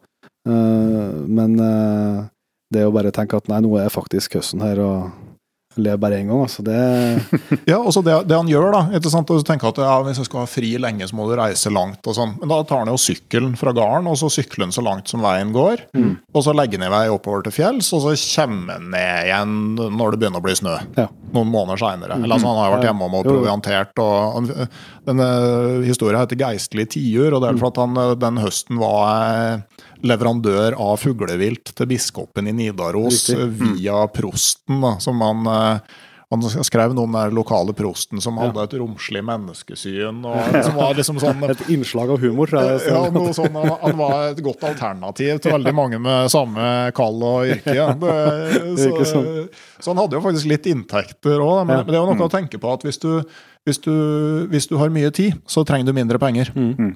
Det, Den, den historien der avsluttes med at eh, han skjøt to tiurer på samme situasjon. Ja. ene turen eh, havner på middagsbordet hjemme hos han, og den andre ligger på middagsbordet til biskopen. kan du se for deg sånn eh, viss forskjell i omgivelser for, for, for, for, serveringa. Ja. Eh, Nei, så, men, men jeg, jeg tenker jo veldig sånn på, på Jens der, altså at det, Mm. det er noe av den, den samme, samme drivkrafta. Mm. Mm. Stikke ut og se etter hvor lenge var maten du har med deg, varer. Ja. Mm. Ja, altså det, altså, så er det jo bare sånn som du sier, altså, det er ikke nødvendigvis ett et bestemt mål eller en ting du skal oppnå. Det er bare å være. Mm. Det er det som er drivkrafta, liksom. Det, eh, og det, det å ha den eh, eh, den friheten på, på høsten, det er i hvert fall veldig mange ganger kjent på akkurat den. Den litt sånn følelse av menings, at alt er meningsløst. Når du i hvert fall i sitter på kontor Mm. og du sitter og du ser ut og du begynner å stille spørsmålstegn har det egentlig noe verdi det jeg driver med. Er det noen som bryr seg om ikke jeg altså Du begynner å få tankene der, og, liksom, og du vet at egentlig er alt bare tufta på at uh, kroppen og hodet har lyst til at du skal være i skogen og i fjellet. Ja, nei, det, det er absolutt verdt å, å, å plukke med seg. Altså. Det, og, og, det- men fortsatt så tenker jeg at altså, er, eh, her òg er det jo et, sånn, måte, et litt sånn næringsperspektiv i det. Altså at du, de skriver de brukte ikke så mye fuglevilt sjøl, så det var, det var bra salgsvare. Og nå òg noen sånne fiskehistorier. Mm. Han eh, beskriver en tur hvor han kommer hjem igjen. Det eneste han har i sekken på vei hjem, det er fisk. Og sekken, det er renska fisk. og Han har 35 kilo i ryggsekken Mm. etter noen dager på tur. Ja, det var han, det var han og broren og et kvinnfolk, var det, tror jeg. Han og svogeren og søstera, tror jeg. Ja, sånn var jeg. Ja. De var på, på Kalvvatna, da. Det er jo eh, Det er jo eh, Ja, likest, letteste innfallsporten er jo fra Namskam, men det ligger jo i, i Nordland, akkurat på grensa til Nordland, ja. Men det er jo velkjent som et fantastisk eh, fiskeområde. Og, og de kommer hjem da, etter ei uke oppi der, så kommer de hjem med, med 35 kilo renska fisk og, og 15 kilo molt. da. Ikke glem det. Det er vel noen moltelskere i- blant lytterne våre også. Og det er jo da ferdig kokt molte, eller beit jeg Ja, merke? ja, de koka, koka i- ut, ja. Ja. Når de var på tur. Ja. Så jeg vet ikke helt hva de oppnår med det. Berga kanskje, at du ikke surner? Nei, men Molta er jo full av konserveringsmidler i utgangspunktet. Nei, ikke. Og derfor eh, Amundsen hadde jo med molte Ja. hjemmefra gjennom Nordvestpassasjen, blant annet. Mm. På ishavet òg, så er molte fast for skjørbukmiddel. Det er jo liksom går jo igjen skildringa i, i den historien der òg, for det, i dag er det et, eh, går jo vei helt inn til oh, ja. helt inn til områdene eh, på grunn av vannkraftutbygging. Ja. Det, alt det, alle områdene der er jo regulert nå. Så Og liksom den store melankolien, kan du si, da, i mange av de historiene fra den perioden her Oddbjørn Linseth Moe, det er jo nettopp vannkraftutbygginga. For det er klart, altså rett etter krigen så var vannkrafta liksom det hvite gullet som skulle industrialisere Norge, og det, Mm. det gjorde det jo. Men eh, det kom til en pris, og eh, for Oddbjørn Linseth Moe så opplevde han jo at mange av måte, hans drømmeområder Mm. blei ødelagt. mm. Eh, Blant annet den elva som renner forbi gården, så vidt jeg forstår. Ja, altså, altså Sjølve Namsen var jo, den er jo relert i, i flere ledd. Jo, men er det, er det Namsen som renner rett forbi der? Er det Sielv som Ja, det kommer ei sielv òg, men den, er- den er ikke regulert, den, nei. Nei, Nei, ok. Nei. Da er jeg misforstått der. Det er bra å ha lokalkunnskap. Nei, nei, nei, nei, ikke det. Nei, det Det er, det er, Men i hvert absolutt potensial til det, ja. Ja. Heldig, heldigvis så har ikke noen av grunneierne sett det. Men, men det er jo liksom eh, altså sånn, for, det med naturvern er jo en sånn tanke som, mm. som eh, vokste fram og sånn, og, og spesielt altså liksom litt det der klassiske naturvernet som kom utover sånn 60-, 70-, 80-tallet med mye knytta til vannkraft, blant annet. Da. Mm. Eh, Så det, så det er sånn side der. Men ellers så, eh, så er det jo òg en del historier om rovviltjakt i bøkene hans, men eh, der òg var vel bestandene ganske mye mindre på den tida hvor han drev på. Jeg har liksom inntrykk av at hvis det ble sett gaupespor, så sendte man folk til fjells med en gang. Det var det både, både gaup og, og bjørn, og spesielt mår. Sånt, og alt, som, alt som har liksom en viss verdi i form av skinn. Da, da ble det, altså, da ble det meste kasta. Hvis de skulle til tømmerskogen, så la de fra seg alt, for det var det var mye mer betalt hvis de kunne fokusere på å, på å få has på en av rovdyrene pga. verdien av skinnet. Mm. Han, han, beskriver jo uh, bare en del, en del uh, gaupejakt, mm. uh, og det Jeg tror ikke han, så vidt jeg skjønner, så han ikke fikk han aldri felle noe, noe gaup sjøl. Men han var jo med på, på, del, på mye jakt fordi å, å, å, å falle. Det, er en, eh, det er mange gode beskrivelser av den, eh, av den jakta. Han bedriver den jo litt uh, annerledes enn hva, hva, vi gjør når vi jakter gaupe i, i, dag, da. Det kan jeg trygt si. men uh, men uh, de, de, lykkes jo likevel. Men det er, det er en sånn Og det er egentlig litt sånn tilbake til vi, vi snakka om hva som har endra seg på, på, jakta og sånt. Uh, jeg beit meg merke der Eh, da er det vel broren eh, hans og en til som har funnet et, eh, et De jakta på gaup dagen før. Mm. Så de har funnet igjen sporet, men han var på arbeid i tømmerskogen. Så han fikk bare høre om at sporet var, var der og der, og at de skulle begynne å jakte på det her. da. Og så har Han grunner litt på det, mens han og så finner han ut at det var ikke så mye tømmer han skulle kjøre i dag, egentlig, så han for han, eh, han kjemper at det er jo et uh, trekk, et kjent gaupetrekk, da. Uh, nede i Aron, Arondalen. Arondalen, ja. Det er vel der fortsatt, det. Mm. Det trekket. Uh, og da liksom, han, han, han, han, har jo bare fått hørt om hvor sporet befant seg hen uh, mange timer tidligere, men finner ut at ja, kanskje han bare skal gå og sette seg oppi der. Og det, det, gjør han, og det er en, en nært ved å lykkes. Det vil si at broren hans, uten at de vet hvor det er, så er han på, på post i samme område og får skjøtt gaupa når du er på tur dit. da. Men det, det som jeg synes er interessant med det, er at det, det sier ting om et, et annet mindset enn hva i hvert fall jeg har som jeger. Jeg skal ikke, ikke snakke på vegne av for mange andre, men som dere må bare jeg kan jo vite om at uh, de kan komme der og de kan komme der. at Man liksom, man snakker jo på den måten, men det er bare på, ja, på måfå. Sette seg ut en plass og tenke at her kan jeg jo komme. Mm. Uten at du vet noe mer om hva som har skjedd i timene imellom, og du vet ikke hvor lenge du skal sitte der, eller noen ting. Det virker jo helt fjernt for, for min del. Men det er liksom beskrivende som en naturlig ting i verden, og, og det holder jo på, på, å lykkes òg den, den, gangen. da. Mm. Det er jo noe, men det tror jeg er litt med den uh, tids, tidsregninga igjen, kanskje. da, sant? Altså at du har ikke eh, Du skal bare være der. Mm. Og så Så var det en annen med historien der, var at han han kom til det, det gauptrekket som jeg passerer i, i Brattskråninga i Arondalen. Der, der han liksom to, to, valg. Det var to mulige ja. poster med, med litt god skyttergrender, og så verden det ene. Og så jeg lurer på jeg har sittet en time, eller sånt da, så smalt det. Altså rett over men i den andre grenda som var mm. andre muligheten hans. da. Og det, Der satt jo broren og, og skjøt gaupa der. og Da har liksom tenkt over at de har liksom vokst opp i lag og, og, og var så like. At de har liksom tenkt samme tanken sjøl. Mm uten at de har snakka om det. Ja. ja. ja. Altså, det er en artig, um, artig episode. Det er jo um, flere um, mer rovdyrjakter. Du snakker jo om Jon Inge, med, med mår, mårjakta. Og, og um, kanskje, det er kanskje for lang å lese, men det er jo absolutt ei, ei spennende historie der han forteller om, det, om bestefar sin, som skjøt en, en bjørn mm. Eh, oppe i Linsemofjellet um, på slutten av 1800-tallet for, for, en uh, gråhund som han, fått i, som han fikk i julegave. Han bestefaren som heter bare for Presang. Mm. Og da kom jeg en, kom jeg en med på, på det første juledag, så han kom med med valpen. Ja. Så det ble en, en bra begynner jo den beskrivelsen der og når han kommer inn på de, Da har han vel, vel først uh, ute og setter garn, og så for, for, for, første er jo, er jo det garnslettinga, altså fra gården og til der han setter garn.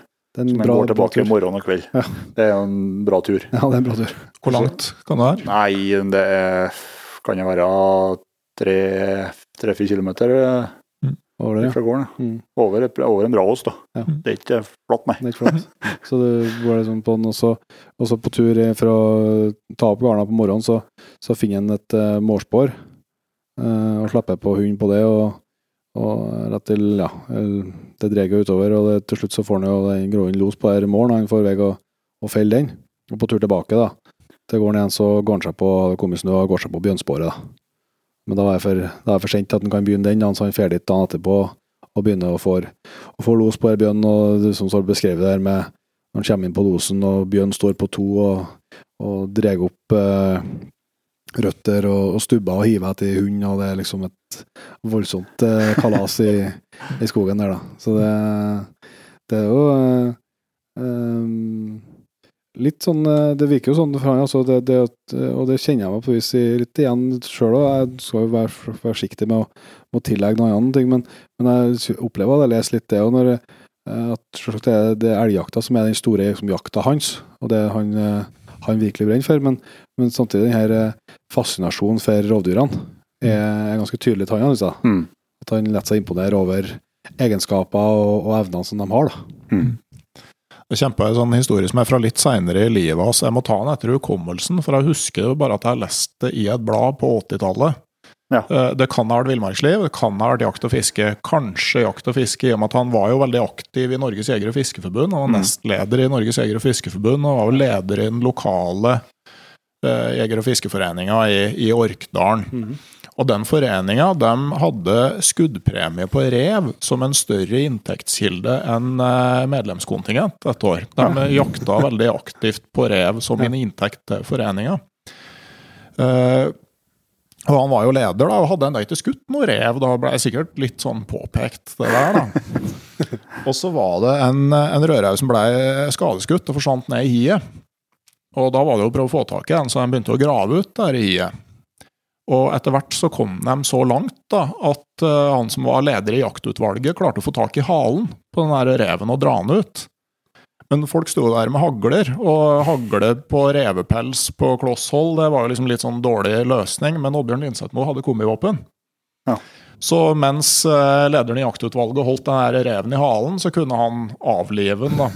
Han fikk jo så klart da høre at hvis, eh, hvis lederen i foreninga skulle klare å skyte rev, så måtte lederen i jaktutvalget holde den i halen. Og det, det, det fant seg en tegning av det der. Ja. Og Oddbjørn Lindsetmo ser eh, altså Han har jo et, et utseende som er veldig sånn karakteristisk, ansikt som er veldig karakteristisk, og liksom litt takknemlig å karikere, tenker jeg. Og, og det var en veldig fornøyelig tegning av den situasjonen som han hadde fått eh, overrekt i sin eh, 40-årsdag. Så hvis det er noen eh, samlere, enten jakt og fiske eller villmarksliv, som umiddelbart tenker at eh, ja, men det der er jo oktoberutgaven i 1985, så, så vær nå så snill å knipse et eh, bilder av sida og, eh, og delen del den med oss. Ja, ja, absolutt. Og det, når du er inne på, på tegninga, så er jo det jo I bøkene så er jo dem òg til dels illustrert òg. Mm. Det er det bøkene han har, Mm. har gitt ut sjøl. Så det er jo en, synes i hvert fall jeg en, en merverdi med å lese mer enn her, at det dukker opp eh, noen gode, gode tegninger innimellom òg. Mm. Skal vi flytte oss videre til, til voksenlivet? For det, Ja. det kom jo på en måte og tok han sånn som det gjør med de, de fleste av oss. Dessverre. Ja da. Det, livet har nå sine faser. Og, eh, hva, hva er det, hva er det eh, Det var vel en eh, som sa at eh, det er ikke alltid at uh, menn som kan bruke all tida si på akkurat det de vil, havner på et sted hvor du har lyst til å være. Det, så, så det er noen fordeler og ulemper òg med, med det å ha et liv ved sida av hovedinteressen din. Men, uh, men uh, eh, Oddbjørn Moe ble jo journalist. Mm. Og historien sier jo at han skrev et leserinnlegg til lokalavisa, som da antagelig var Nord-Trønderen og Namdalen. Mm. Og det leserinnlegget var så godt at eh, redaktøren ringte og lurte på om han ville ha jobb som journalist. Mm. Eh, Det, det gikk an. Ja, for at det er jo et eh, sånn stort hopp der du var jo inne på det, sant, at det var ikke all verden til skolegang. Sant? Så det, han må jo ha plukka opp de evnene som vi får ta del i, i bøkene hans, altså Mm. som, som, som skribent. Da. Ja, uh familien har på en måte sagt at altså, han, han fikk ikke noe skolegang utover folkeskolen. Og eh, det var én av brødrene hans som studerte i Tyskland. Eh, og det var vel såpass stor økonomisk belastning for familien at liksom, noe flere på skole, det var ikke å tenke på. At det nok, sånn bevisst eller ubevisst, var et savn, og at han visst kompenserte veldig med å, å lese mye, og da både faglitteratur og og skjønnlitteratur. Eh, han, eh, han var visst en altså, eh, Steinbeck, eh, 'Vredens druer'. Eh, Steinbeck var han som skrev 'Øst for Eden'. eh, eh, filmatisert sånn Hollywood-greie. og Det her er fra 1930-tallet, store depresjonen i, i USA, og en sånn jordbruksfamilie som eh, må dra fra gården pga. kombinasjonen av depresjon og tørke, og, og flytte. Da. Og eh, det var liksom både sånn litterært og tematisk, tror jeg, noe som, som greip han, han veldig hardt. Da, sånn.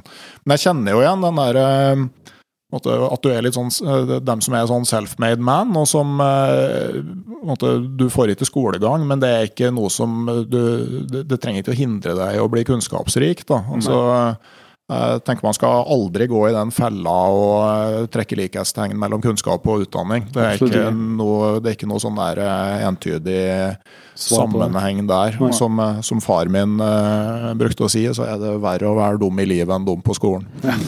Han, eh, han har vært barneskolelærer i 40 år, så han eh, vet, vet antagelig hva han snakker om. Men det, så, eh, men, men det er jo sånn Han må jo ha hatt både et talent og en interesse rent litterært. Og det er veldig artig at det blei oppdaga. Han, han hadde jo en sånn journalistkarriere som da eh, varte i en, eh, ja, en nærmere 20 år. Ja. Fra, eh, var fra som journalistlærling, og det er liksom første Ja. tittelen. mm. Og inn som redaktør, så det må jo være Mm. Ja, for han gikk jo videre øh, innom Senjas, Senjens blad. Ja. Eh, og, og videre til Adressa, hvor han liksom øh, dekka Orkanger-regionen, og så videre til ei lokalavis eh, der ute. Eh, så, eh, hvor han da etter hvert ble redaktør med administrative oppgaver i, i tillegg, da. Så, eh, men det er klart at det er sånt liv, eh, altså det der eh, redaktørlivet både før og nå, det, det er jo fryktelig stressende. Altså, du skal prestere og produsere hver eneste dag. Eh, og og eh, en ser jo at her endrer det seg sånn at eh, jakt og friluftsliv blir nå et sånn slags pusterom fra hverdagen, en sånn slags tilflukt. Han, eh, han skriver vel en del om det her at han får nok av folk og må ut og, og på en måte hente, hente luft. Hva- Jeg lurer på om det sto en av historiene, jeg husker ikke på hvem, men eh, at uh, med en telefon er moderne torturredskap. Ja, Så han, skulle, han skulle levd til han hadde fått smarttelefon. tenk på det. Hvis du tenker at å er tilgjengelig opp med eh, fasttelefon, så Ja. Så, men eh, da tenker jeg altså, da lever han veldig sånn et veldig enkelt friluftsliv. Veldig ofte helt aleine. Og jeg tenkte bare sånn lite fra forordet til ei av bøkene som jeg merka meg her. At uh, under jakt og fiske har jeg ofte vært en ensom ulv. Jeg liker ikke jakt eller fiske for selskaps skyld. Selskapelighet hører hjemme i hytta om kvelden. Jeg trives sammen med én eller to gode kamerater som jeg liter på, men det er ikke til å legge skjul på at best liker jeg å strekke ut alene, helst med hunden som selskap. Først da blir sansene så åpne som de bør være, skogene så vide og fjella så blå som de alltid har vært. Den plutselige impuls og intuisjon blir mitt kompass. Mm. Det tenker jeg sier noe om, måte, om innfallsvinkelen hans der, da. At eh, du vil liksom være så tett som mulig på naturen, og da helt aleine. Ja, og så er det vel kanskje noe med litt den hektiske hverdagen òg, sånn at, eh, at selv om man på vis etter hvert er redaktør og sjef, så, så, så styrer du nødvendigvis ikke din egen hverdag for dem. Nei, slett ikke, tenker jeg. ja, Det. Er kanskje mindre og mindre av det. Ja. Uh, og det å da få lov til å, til å være uh, herre da, eh, over sin egen tid og, og aktivitet gir ekstra, ekstra verdi. Ja, og han, har en historie som heter 'Fanteliv i, i Rypefjell', hvor han liksom på mirakuløst vis klarer å få frigjort ei uke for å, for å dra til fjells.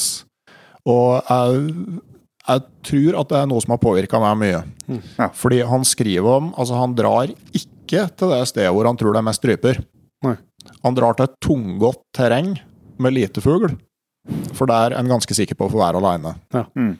Og eh, jeg merker jo sjøl altså, Vi var en gjeng som vi jakta eh, fjellrype fast i Børgefjell i ganske mange år. Mm.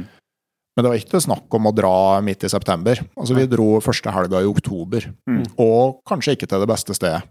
Men da var vi støtt aleine der Mm. hele den eh, helga. At det var liksom det å få være i fred og, eh, og liksom eh, gjøre ting rolig og pent. Mm. For så vidt akkurat det samme for min del med laksefiske. Mm. Jeg prøvde å fiske i gaula, orkla og øh, Først og fremst i gaula, men jeg får ikke noe ro sånn med E6-en forbi og folk som kommer og går. Altså, Du kan dra til Finnmark og gå fem timer fra veien oppover ei eller annen elv.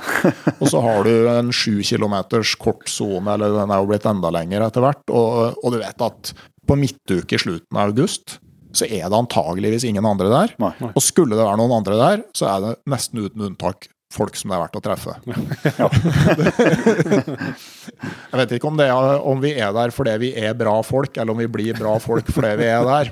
Men, eh, men det er nå i hvert fall påfallende at på sånne avsidesliggende plasser så, eh, så er det hyggelige møter eh, hvis du skulle slumpe på å treffe noen. Mm. Så jeg, jeg tenker at det, der tror jeg nå altså Jeg leste jo det her som guttunge, og jeg tror jeg har blitt påvirka av det. Mm. Mm. Så en annen, historie som beskriver liksom litt hvor, hvor enkelt han gjør friluftslivet. Uh, historier så kan bare ta, lese litt kjapt opp liksom, hva han har med seg når han drar på jakt. og Det er ikke, det er ikke en dagstur, liksom. det når han skal være ute i, i flere dager.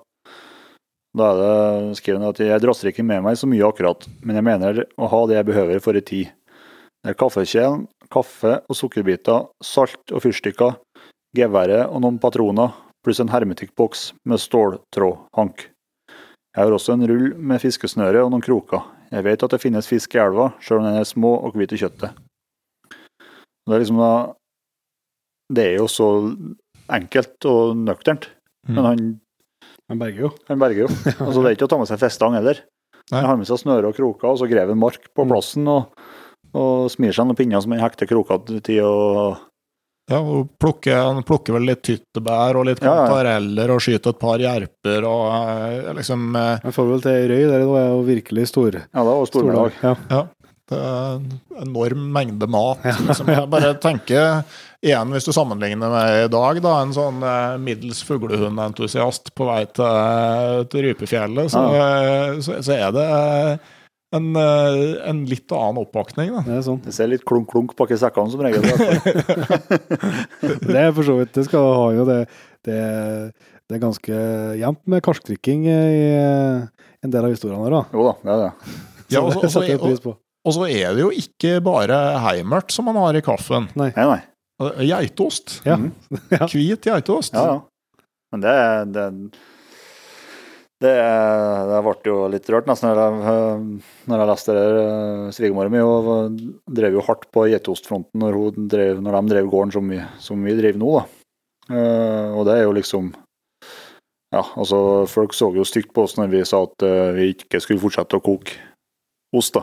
Eh, for det, det var jo ikke noe som Det klinger jo ikke akkurat i pengeboka, til det opplegget der, men eh, men så skjer jo bare den dag som bestefaren min, da, som, er, som er snart 90 år altså, når han liksom De gangene vi har Vi har, har hvitost fortsatt, da, som er koka på gamlemåten i stor kjel, og, og, og kjerringa mi kapper opp biter så han får hard kaffe og liksom Store kaffekrus som de fyller, de fyller med osterninger helt til toppen, og så slår de kaffe på. Og det, det er liksom alle generasjon der sånn, ja, med mellom 70 og 80-90 år nå, de, altså det, det er liksom høytida. De kan ha, ha geitost i kaffen. Men det er en idé her. Altså, du må jo fortsette med den geitosten. Så må du få solgt inn det her under et eller annet fancy navn til Ja. de hippeste kaffebarene i Oslo. Ja, Det kan jo sikkert ta 200 kroner for et sånt krus som det der, da, som er stappfullt med, med geitost. Ja, det er som en sånn survival kit. Ja. Det Det, ble næringsrikt. Men det var jo som det var, enten var kaffekjøtt, eller så var det ordentlig røyka kjøtt med veldig mye flesk. Ja. På, det var, Har de det i kaffen, da, ja. da har de det godt, ja. Ja, akkurat det der med forholdet til fett, det er jo veldig sånn i kjøtt, det er jo ganske interessant. Og Jeg hørte en som refererte til noen Jeg tror det var en i familien som hadde vært student, eller noe sånt, så de hadde jo sendt eh, en bit med, med flesk til henne, altså med, med bacon. Mm. Og der fulgte med sånn unnskyldning for at det var ei strime med kjøtt i, Ja, i flesket. Det, det var ikke meninga, men de hadde ikke klart å finne noe bedre enn, eh, bedre enn det her. Og for så vidt òg Veldig digresjon, men eh, Sanitetsforeningen i Hammerfest de hadde et sånn der eh, sommerhjem for, eh, for skoleunger var rett etter krigen. De dro ut til Skaidi og var der om sommeren. Og suksessfaktoren der, det, var, det det ble målt på, var hvor mye ungene hadde gått opp i vekt i løpet av sommeren. Ja. Og jentene gikk opp mer enn guttene, for guttene spilte litt for mye fotball. Ja, så det er et, et, et eh, flott eh, og utrolig enkelt friluftsliv. Men den uh, historien som du begynte med, er eh, Inge, som da heter Jakti Mm. Vi var litt inn på uh, forholdet hans, eh, kanskje litt imot uh, bekymringa for utviklinga nå. Uh, den historien avsluttes jo eh, veldig fint, eh, og til litt sånn ettertanke, da. Kan ta det siste, siste avsnittet der. Eh, Det er slik det skulle være, tenkte jeg, og følte noe som lignet lykke. Jeg fikk tilfredsstilt noen basisbehov som det er livsnødvendig for mennesket å få tilfredsstilt, samtidig som jeg ikke ble forstyrret av irrasjonelle momenter. Derfor har jeg også fred i sjelen, men bakom, eh, men bakom naget en uro. Hvor lenge kan, skal det gå før mennesket innser at vi ikke kan kjøpe oss til tilfredshet og glede over livet i et varehus eller et reisebyrå? Og hvor lang tid vil det gå før vi har rasert den siste øde fjelldalen? Så, og den eh, boka eh, som da heter 'Naturen er gammel', det er den siste, siste boka han gir ut før han, eh, før han går bort. Mm. Så han eh, eh, har jo åpenbart litt eh, tanker om, om hvordan framtida kan, kan se ut for, for sånne som han. Ja. Nei, og jeg tenker jo at det er jo kanskje litt sånn i dag at um, man er måte Du, du måtte kjøpe eh, hos et reisebyrå, sånn at du skal komme veldig fort til det som på en måte er indrefileten i opplevelsen. Og så glemmer du hele den opplevelsen som han får rundt der. da. Mm. At uh, Det handler ikke om hvor mange fugler han får, eller hvor mange situasjoner det blir. og sånn egentlig. Altså det, det handler om å, å være ute og være tett på naturen og Mm. uh, og ha den, den opplevelsen uh, der, da, som, Mm. som er kanskje på et litt sånn annet plan, som er mye vanskeligere å måle. Ja, og, og jeg tror det er jo kanskje en digresjon, men jeg tror litt av dere eh, Jeg har i hvert fall reflektert omkring det før òg, og nå, nå, lager vi en, en podkast, og det skal handle om eh, Oddbjørn Linseth på. Men så har vi jo ikke sånn noe uttalt mål, hva som skal være målet med det her. Vi har lyst til å prate om det. Mm. Sant? Vi har lyst til å reflektere og tenke om det i lag, s- snakke. Eh, og det er jo litt sånn, litt sånn motvekt til veldig mye, og det tror jeg, jeg tror at det er litt av podkastens styrke. da. Eh, og grunnen til at det formatet etter hvert får godt fotfeste. Fordi at vi kan nettopp vi kan sitte og bare prate og tenke og, og kose oss, uten at vi nødvendigvis skal ha noe mål i enden der. Så det handler, det handler om refleksjon og, og tankene. Eh, og det tror jeg er litt eh, Så jeg, jeg tipper jeg tipper Oddbjørn har likt Jegerpodden og. Jeg tror. Han hadde i hvert fall hatt noe å bidra med der. Ja, det- det, det hadde vært en interessant eh, gjest å, å snakke med. Det, eh, ja, Oddbjørn Linseth nå er jo en veldig fin eksponent for det der enkle, nære friluftslivet. Men han nå fikk jo oppleve vesentlig større jaktmarker enn eh, Namdalen. Ja, ja, han gjorde det. Uh, han var jo på en reise til Finnmark, annet, men, uh, men uh, så tror jeg han ble, han ble veldig nysgjerrig på jakta i Alaska. Mm. Og de store områdene som Da blir, da blir Namdalen liten òg, når du begynner å se på villmarka i, i, i Alaska. Selv om alt er stort i Namdalen. Ja. Så eh, det kommer jo en, det jo, det er en par historier i bøkene hans her som, eh, som går på den storelg og storelg og spert laks og bjørn. Det Der, eh, ja, to, to, I hvert fall to historier der som handler, om eh, da han og en, en kamerat drar til, Alaska og jakter bjørn. da. Og det, Der har tiden endra seg. Han dro på 70-tallet, og det her var såpass eksotisk at uh, Adresseavisa betalte flybilletten og full lønn mens han var uh, borte der. Det, jeg tror ikke de gjør det i dag. Eh, Det, og, og det var jo òg ei tid hvor du faktisk da kunne dra til Alaska og ta med deg børsa og dra til skogs. Liksom løse lisens og dra Mm. til skogs uten guide. Mm. Uh, og eh, det, det var en annen tid, altså. Ja, det er det. Det var litt spesielt òg de, eh, de var jo Det var liksom ikke bare å, å google eh, bjørnejakt i Alaska, og så finner du en turoperatør. De, Og så trekke kredittkort. de, de for jo, han og han kompisen de, for, de eh, visste om en svenske som, som eh, har jakta mye i Alaska, og som, og som drev og organiserte litt turer dit. Så de tok jo bilen fatt, og, og for til Falun, for det var jo hundeutstilling. Og det visste de at han, eh, han, eh, han svensken der da skulle være dommer på hundeutstillinga. Så de for jo dit i håp om at de kunne kanskje klare å komme i kontakt og få prate med han, eh, han hundedommeren. Og, og, og få noen tips. da, Men det endte med at de, de fikk kontakt med han og fikk prata litt med han. Og, og fikk ordna seg tur, så de, de for til Alaska da, og, og hadde, hadde noen fine, fine jaktdager der også. Mm. Så de skjøt vel, den Oddbjørn skjøt en bjørn, en Ja. svartbjørn der, da.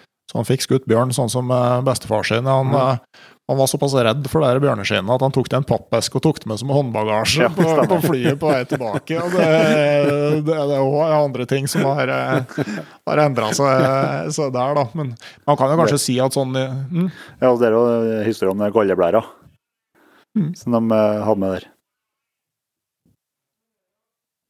Uh, galleblæra, der de, det var noen de, Det var et hotell de overnatta på, eller noe sånt. Der de, det paret som drev der, de var veldig interessert i å Hvis de skulle opp igjen, så må- ville de ha galleblæra. Ja. For det, det ble brukt til medisin. Mm. Så Han tok jo med på tur tilbake når han skutt i byen og var på tur hjem. Så var han innom det hotellet og ga dem en posse med, med galleblæra. Så, så Og det, det var liksom Det var høydere det òg, at de, de satte sånn pris, og han fikk, eh, fikk godt betalt for, for en galleblæra til bjørnen. Da. Det er mye som er sånn som man ikke visste om. Ja. Eh, Men man kan kanskje si at sånn, eh, hvis du skal se alle under ett, så er det sikkert greit at det er krav om eh, guide på storviltjakt i Alaska i dag. det kan nok være det, altså. Både av hensyn til vilt og jegerne. Men eh, hvis vi flytter oss litt videre altså, han, Etter hvert så så, så vidt jeg har forstått, så blei Oddbjørn Lindsetmo rein forfatter. Slutta som journalist og Mm. konsentrerte seg om eh, bøkene sine. Og i eh, forfatterskapet så er det ei bok som skiller seg klart fra de andre. Det er den som heter Åtte skudd, og kom i 1987. Mm. Eh, jeg fikk en til jul av tante Grete. Takk for julegaven. ja. Hun er ikke med oss lenger, men eh, Men eh, Så det er den jeg har her. Altså det, det, åtte skudd det er både en av historiene i boka, som handler om, om elgjakt under krigen. Men det er òg altså kun åtte historier, som da er ganske mye lenger enn en det de er med i de andre bøkene. Og jeg tror seks av dem er rent skjønnlitterære historier. Altså en mm. noveller. Det handler litt om hans egne opplevelser. Og de har en Altså, det, det er litterært så, så er de minst et hakk over uh, alt det andre han har skrevet, tenker jeg. Jeg kan lese et litt lengre utdrag fra en av de historiene her. Mm. Rote fram boka. Det er den boka som jeg fikk til jul, da, som jeg skal lese fra. Det har den fortsatt. Eh, Og Der er det om Andreas, da, som, eh, som eh, går på ski ganske godt inne i fjellet for å fiske på isen. Få med seg noe mat hjem til familien, rett og slett. Og søv under, under åpen himmel inne i bjørkeskogen på, på fjellet, og, og driver med ganske sånn intensivt isfiske. Skal vi høre litt hvordan det her går etter hvert, da. Andreas har undersøkt alle tømmene og satt på nytt agn. Men det er som om fisken ikke vil mer utover, utover hele formiddagen, er det ikke en kvist som ler på seg. Han tar ei lang middagskvil under grana før han igjen rusler ut på isen for å fiske. Han går omkring, vipper litt borti bjørkekvistene slik at agnet skal røres. Bortimot klokka tre begynner fisken brått å bite igjen. Nå er det som den er aldeles besatt. Andreas renner omkring og haler opp fisk, knekker nakken på en, egne på nytt, og så renner han videre til neste tøm det har gått på fisk. Han sanser seg ikke, fisker i en rus, enser ikke at han blir sulten, er bare besatt av å hale opp fisk. Først da fisken slutter å bite mot kvelden, er det som han våkner. Han merker at det er noe som skjer, han synker ned i snøen, den bærer ham ikke så godt lenger. Så kjenner han at det er, en kvelende, at det er kvelende stille, nesten lummert i været. Det er ikke et eneste vindpust. Om litt hører han som et sukk fra fjellet vestafor og ser brått mørke skyer rulle opp over fjellranda. Andreas begynner å samle sammen fisken, bærer flere vendinger bort til hvilegrana si. Det blir en diger haug med fisk. Han har ikke fått renset stort av den, men nå gjør han unna dette arbeidet. Han forstår at det ikke nytter å fiske mer, han klarer knapt å bære den børa han har fått. Han hadde tenkt å være til neste dag, men været uroer ham. Og det blir ikke større mørkt om natta, og han kjenner leia godt. Derfor bestemmer han seg for at han vil pakke sakene sine og begynne på heimturen. Klokka er blitt seks. Fisken har han i en striesekk i ryggsekken. Da han letter på sekken etter at han har pakket den, så blir han betenkt. Det er så vidt han får sekken på ryggen. Han spenner skiene på seg og begynner på leia mot Ransfjellet, men snøen er liksom råtnet. Det er ikke feste for skiene oppå, han synker ned til knes. Andreas liker seg dårlig. Han er sterk og i god form, men han vet at tungføre og tung sekk har knekt sterke folk før. Det går uhyggelig smått framom liene mot Daumannskaret. Da klokka er blitt ti, er Andreas så vidt bare kommet halvveis. Nå kommer det også stri vind, og det begynner å drive våt snø i strie kast. Skiene hans klabber ikke større, snøen er for våt til det, men dette å synke ned til knes for hvert stavtak tapper krefter. Andreas kjenner at det begynner å røyne hardt på, han stanser rett som det er for å hvile, hvilestundene blir lengre og lengre. Han lurer på om han skal kaste noe av fisken så børa blir lettere. Men eh, tanker, tenker som så at å kaste fin mat, det gjør han ikke. Det er blitt midnatt. Andreas har kommet halvveis gjennom Daumannskaret. Her oppe tar vinden sterkt, og han kjenner at det isner gjennom kroppen. Men han er så trøtt og så sliten at han må hvile. Han finner litt ly bak en stor stein, vrenger sekken av og graver fram et par brødskiver fra sekken. Han spiser brødskivene, er tørst, men har ikke noe å drikke. Han forsøker å gomle snø til. Brødskivene kvikker eh, ham ikke særlig opp, han er for sliten, og ganske snart tar hodet hans til å duppe ned på brystet. Da våkner han brått til. Ikke sove, sier han høyt. Han vet at sovner han, så er det for godt. Han er våt, og i den isende vinden er han i stor fare. Han tenker enda en gang på å tømme sekken for fisk, men noe inni ham forbyr ham å gjøre det. Han vakler opp, tvinger sekken opp på ryggen, mumler mellom tennene at det skal ikke bli to like Daumannskaret, det skal han faen skjære meg hver mann for. Ja. Så kan jeg liksom, så kan en øh, videre i historien der, så han, øh, Det er jo så vidt han Han kommer seg så vidt hjem. Kjerringa finner han vel kollapsa på trappa hjemme. Ja. Kollapser på trappa og har fortsatt skyen på fotene. Og, Sekken på ryggen. Og, f- og fisk i sekken. Mm. Ja. og, og det tar jo tid for han, for han hun får han inn og, og kler av den og, og, og får han framom sengebrisken fra ovnen. Og og tar det en stund før han kommer seg. Ja. Legger seg sammen og varmer den opp og i det hele tatt. Jeg synes Det var en veldig fin avslutning på historien. der, for Det det ender med at de, de har en par gutter, altså, sønnene, da, som, eh, som spiser fisken til middag. og, og eh, Antagelig så var guttene der over snittet glad i fisk i forhold til hva ungene er nå til dags, men eh, de bærer seg ut å ete og, og litt ordentlig. Mm. Eh, og Gofler til seg maten, og så ser de på guttene og så sier han høyt til dem at eh, Eta med andakt, gutter. Denne maten kosta nesten far deres livet. Den synes jeg var Jeg, jeg håper den tok. Du sier ikke at jeg liker ikke fisk, da? Nei. Jeg vet ikke. Kjenner ikke på den. Det må jeg si, for far min nå, født i 1940, altså det med unger som ikke liker mat, og det merker jeg det rykker i meg òg. Ja. Det, det at du ja, og voksne folk som ikke liker, det merker jeg har ikke mye toleranse for. Det, så at det, men det er kanskje litt rar. Jeg satt og åt eh, gammelost da jeg var sju. Så, eh, så det er kanskje jeg som er avvikeren, da. Men, eh, men hvis, hvis, hvis man vil ha et sted å starte, kan du si, med Oddbjørn Lindseitmo, så er jo eh, nettsida antikvariat.no. Mm. Der kan du søke i alle norske antikvariater. Mm. Og nå etter denne episoden her, så gjelder det bare å hive seg på avtrekkeren med en gang, for nå eh, går bruktprisene i taket på, eh, på Linsetmo. Men eh, åtte skudd er jo eh, Den bør man ta med. Og så på en måte en av de andre litt avhengig av interesse, tenker jeg. Det er mm, en, en, en bra innfallsvinkel til forfatterskapet. Enig. Det, er det som jeg vil fremheve, og som, som jeg sa til deg når vi først har kontakt og, og Randulf, er at de er jo Det er sikkert derfor at jeg setter pris på, på bøker nå, for eh, de er veldig lettlest. Ja, og det sa eh, en av sønnene at det var helt bevisst. Ja. Det, de, var, de er skrevet for å være lette å lese, og en av de eh, tingene du kan legge merke til, at i bøkene her, det fins ikke en eneste innskutt leddsetning. Altså, det vil si, altså Han skriver aldri eh, 'da vi kom til bua', komma, som blei satt opp av bestefaren Nei, ja. til eh, Harald borti et eller annet, Mm. komma, var det, eh, var det allerede blitt kveld. Mm. Det, det, det finner du ikke en eneste plass. Nei.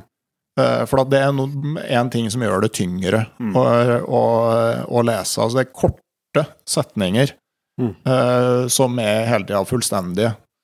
Eh, det, det er liksom et av de grepene som gjør, gjør at, at bøkene er, er lettlest. Og så er det jo mange av historiene er jo ganske korte, og det, Mm. det betyr at det, det er ikke så grusomt å, å gå på det. Ja, så vet ikke så vidt jeg kan komme på, så er vel alle bøkene de er bygd opp sånn at det er kort kapittel er ei historie. Mm. Eh, Det har vært en utfordring for meg når jeg skulle sette og skrive analyser. eh, Alt det opp til at det var liksom Det var ei historie per kapittel. Mm. Men det det sto likere å lese, syns jeg. da.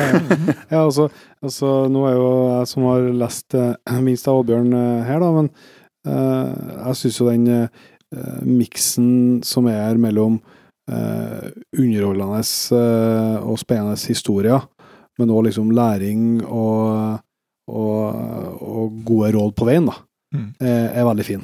Og han er jo veldig eksplisitt på det at han mener at uh, altså, Igjen da med ungdommen nå til dags og sånne ting, da, men at han advarer mot å være for mye fokusert på utstyr og for lite fokusert på kunnskap. Altså liksom Fra et jegerperspektiv, altså det Han har brukt mye tid på bare å observere dyr Ja. ute. Utenom jakta, liksom. Ja. Ja, utenom jakta. Bare liksom hvordan oppføre føre dyr seg. Mm. Eh, Det er jo for så vidt samme med, med Herman Sotkajärvi, ja, som eh, liksom kan sitte og observere bjørn på, på bytte. Mm. Mm. Altså sånn Hva gjør han, hvor går han og legger seg, hvor lenge blir han liggende? altså eh, det er klart, altså Hvis du bruker mye tid på, på sånne ting, så, så f får du en sånn kunnskapsbase som du som du vil ha enorm nytte av. Altså det gjelder jo for alle typer Ja, ja, friluftsaktiviteter. Altså for fiskere òg, som kan stå fluefiskere som har moro av å stå og observere fisk i stedet for å fiske på den. Mm. Du lærer jo enormt mye av det. Altså, som du ser, at uh, nå, jeg ser at det er sånn litt uh, stein i glasshus, da, for at uh, jeg er jo en utstyrsglad type.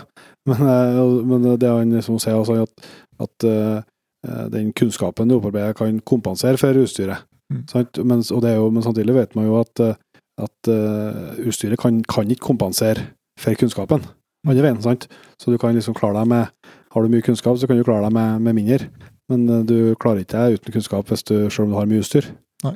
Så Samtidig så er det jo litt interessant, da, er på den, eh, dere er sikkert også på den Facebook-gruppa for eh, reinsjakt. mm. Eh, Og der var det lagt ut for noe, sikkert et par år siden og lagt ut et bilde fra, fra gamle dager da, med, med ullgenser og ryggsekk og sånn til fjells. Og så ble det kommentert at ja, ja, dem, dem trengte ikke noe jervunduk, og de trengte ikke noe GPS og klarte seg uten det. Og Det er for så vidt greit, men så litt lenger ned så kommer jo alle historiene om dem som gikk seg bort i uvær og frøs i hjel i fjellet. Sånn at eh, hva skal vi si, altså enkelte, altså Hadde de da hatt enten GPS eller jervenduk, Mm. så eh, hadde de kanskje overlevd. yes. Sånn at eh, det er Åpenbart at kunnskap trumfer det meste, men samtidig så er jo sånn rent fysiologisk så er jo ikke mennesket noe annerledes Neida. nå enn da. Sånn at Neida. blei det for kaldt, så, Så så, gikk det gærent, da. Det, så, men, men absolutt, altså å ta med seg den der, den der nysgjerrigheten på hvordan naturen fungerer. Mm. Det tenker jeg også, Det merker du at unger har, f.eks. Altså klarer klare å bevare den. Det å liksom ikke slutte å lure på hvordan ting henger sammen. Nei, helt enig. Mm. Og så et, eh, Vi holder på å nærme oss klart slags avslutning her, men eh, før vi kommer helt dit, så, så er det eh, det er også, jeg, jeg mener at det er mye, det er mye gode tips og, og råd på veien her. Det var et i den boka som heter For elgjakt med ledehund. Så det er liksom de innledende kapitlene der er litt som eh, ja, mer eh, eh, Det går ikke jakthistorier i så stor grad, men mer sånn ja, type opplæring Mm. og tanker han, han har omkring den, det om jakta generelt, og, og den jaktformen. da. Eh, og så er det et kapittel som heter for jaktfeber. Eh, og det er jo et eh, eh, både kjent begrep og tilstand for, eh, for mange jegere. Noen er mer plaga av enn andre, men eh, alle har jo alle har jakta første gangen og fått kjent på kroppen eh, hva det kan, kan gjøre med. Og du kan gjøre ting som du etterpå eh, klokskapen ikke ville ha gjort. Men eh, Så han beskriver noen historier omkring det, men så, så han oppsummerer det eh, veldig godt, og noe som jeg tror at eh, både jeg og, og mange jegere kan, eh, kan ta til seg. Han skriver at eh, mange jegere plages hele livet av jaktfeber. Slike jegere burde unngå å bringe seg selv i situasjoner de ikke kan beherske. Men det viktigste av alt er at man får en ånd inn i, en annen ånd inn i jaktlagene. Skrytet må bannlyses, og etterpåklokskapen bør avvises. Alle jegere må akseptere og respektere det faktum at jakt er et stadig eh, skiftende situasjoner som vanskelig lar seg rekonstruere, enn si forandre, når det har funnet sted. Bestefar hadde et ord jeg syns eh, er en god rettesnor for alle jegere. Hvis jakta mislyktes og elgen slapp unna, pleide han å si, vi skulle ikke ha han. Mer var det ikke å si om den saken. Så det tror jeg jo er både for, eh, for sin egen del, men nå når man kanskje tenker på, på rekruttering og skal ha med seg nye jegere og sånt ut. Det å ikke hausse opp og skryte og fortelle eh, og lage liksom eh, Lage fallet, ikke ta for stor fallhøgde. da. Gjør at det blir lettere, å- lettere å nyte det, det opplevelsen du, du har lyst til å prøve deg på. Mm. tenker jeg vi kan ta med inn i andre deler av friluftslivet òg. Altså, sånn der, øh, altså at det er rom for å være usikker, og Mm. at øh, ja, Jeg tenker også mer sånn i dag med toppturer og sånne Ja, ja. ting. At det, det er rom for å være ha dårlig følelse og snu. og Mm. At det, du kan se større på det. altså At, Mm. At man må være raus med dem som er på vei inn. Ja. uh, og gjøre det litt enkelt for dem. Men uh, Dessverre så, så forlot jo Oddbjørn Linseth-Moe oss uh, altfor tidlig. Mm. Uh, høsten 1988 så fikk han diagnosen ALS. Mm. Det er en uh, sykdom som angriper nerveceller i ryggmargen og hjernen. Eh, de fleste vil jo kjenne han Stephen Hawking, han eh, Mm. fysikeren. er jo en av dem som har levd lengst med den sykdommen. Altså Normalt så, så er det på en måte en dødsdom med ganske kort tid Ja. igjen. Mm. Og eh, det var jo ikke mer enn et år etter det. altså Han var lenka til rullestol fra april i eh, 1989 og døde 24. august 1989. Mm.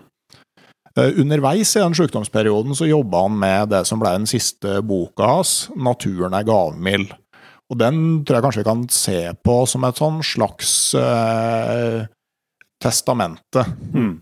Uh, at det, det er ei bok som er skrevet av en mann som vet han skal dø, og den uh, jeg tolker det i hvert fall som en sånn bok som, som har noen verdier og noe kunnskap som man ser det som viktig å, å få formidla før han forlater verden. Mm. Uh, og det er et par historier der som uh, på hver, hvert sitt vis liksom uh, eksemplifiserer det her. Altså det, det er en historie som heter 'Det var noen før oss', som egentlig bare eh, forklarer hvordan folk henta utkommet sitt i Namdalen Mm. historisk. Altså hvordan var gårdene lagt opp Mm. med et lite hovedbøl, altså et lite, en liten sånn hovedgard, og så flere setre rundt omkring i, i landskapet for å utnytte den store utmarka.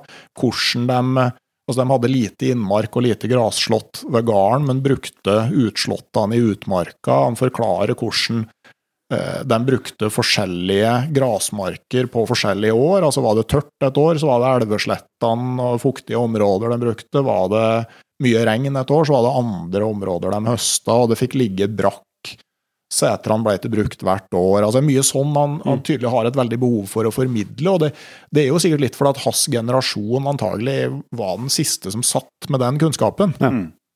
Um, og, og, det er mye det samme i ei sånn historie som heter eh, Den vesle elva, som ligner litt på den uh, jakthistoria der han stikker vei med uh, kaffekjelen og blikkboksen og, uh, og uh, sukkerbitene og kaffen, liksom. Men her er det en dagstur. Han drar til ei elv og skjærer seg en rognekjepp og som fiskestang og grave mark på stedet og fisker noen sånn 100 grams ørreter Mm. som han rundrenser og fyller med smør og pakker inn i vått avispapir og, mm.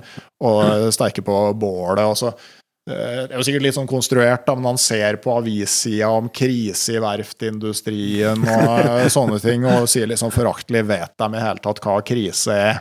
Ja, ja, Og så kommer historia fra under krigen, da de bodde på setra, og ute på seinsommeren at det blir ei helt klar natt, og det begynner å bli frost, og de lurer på eh, hvordan går, går det med kornet. Mm. Var det, var det innafor namdalsdialekt?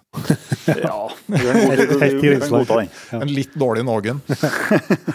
Men i hvert fall, eh, og da eh, snakker de om at de, de drar ned igjen fra setra og fyrer opp bål rundt åkeren og legger på vått granbar utover kvelden, så det legger seg et røykteppe over kornåkeren, Mm. sånn for å, for å stoppe utstrålinga og prøve å holde sånn at eh, ikke kornet ikke, ikke fryser. Eh, Mm. Jeg skal ta og lete fram historie, slutten på den historia der. Så det jo, det var, det var, mens, du, mens du leter her, så det var jo Jeg snakka litt med kultursjefen i kommunen, eh, for de, vi har jo historiehefte i Norskland der de har skrevet litt om, om Oddmund i, i et blad her for mange år siden. og Han ble jo spådd, spådd liksom til å bli den, den nye Mikkjel Fønhus. Uh, men uh, men eh, det ble jo, ble jo bare seks bøker av det, i og med at han, han gikk bort uh, så altfor fort. da. Hmm. Jeg får det si Det blei med de to frostnettene. Kornet ble høstet og malt på ei kvern ingen ville vedkjenne seg. Jeg syns ennå å fornemme smaken av flatbrødet som blei bakt av dette mjølet. Det krislet av liv og trygghet når en knaste brød mellom tennene. Jeg skjønte de gamle litt bedre da de foldet hendene over brødet. og så tenker jeg at eh, når han liksom i voksen alder stikker ut med lite utstyr og uten mat, altså kan det være at han prøver å gjenskape tida fra barndommen da jakt og fiske og liksom om du fikk fangst eller ei virkelig hadde en betydning? Mm. Er det den følelsen der han jakter på? Ja, for det er klart at eh, da begynner det å komme så langt ut, utover sant, at det, det, det gikk an å ha en helt annen tilnærming til, til jakta enn det han hadde. Mm. Så det, er ikke noe, det kan godt være et, eh, en god eh, tanke, det at eh, han eh, eh, altså om ikke kanskje det er feil, antagelig feil begrep, men altså det er det, eh, det at det betyr noe mer enn eh, eh, enn bare den opplevelsen der og da, men at det er litt, litt nærmere det her eh, kampen for tilværelsen. Da. Så, altså, eller, altså, i, i, i den følelsen i det der, Mm. med at, eh, at det fallet er ikke bare er ikke bare en opplevelse og en, eh, og en hyggelig søndagsmiddag. Det, det er noe som, som stikker dypere. Mm. Mm. Hva tar vi med oss, eh, liksom, eh, vi skal begynne å avrunde, hva tar vi med oss på en måte som eh, fra det vi har lest av Oddbjørn Lindseth, hva er det som på en måte er det viktigste vi kan ta med oss i dag? Jeg tror i hvert fall man skal, man skal huske på det at man man skal For det første skal man ikke ta, ta ting for gitt. Man skal suge til seg de inntrykkene og man får i naturen, skal man, eh, skal man virkelig tenke over. Og, og, eh, og ta til seg og, og legge på minnet. Det, så er det jo nok en gang det med at det går an å leve et nøkternt liv eh, over flere dager ute i naturen, og man trenger ikke å ha med seg eh, massevis av utstyr for å, for å klare å, å få gode opplevelser i naturen.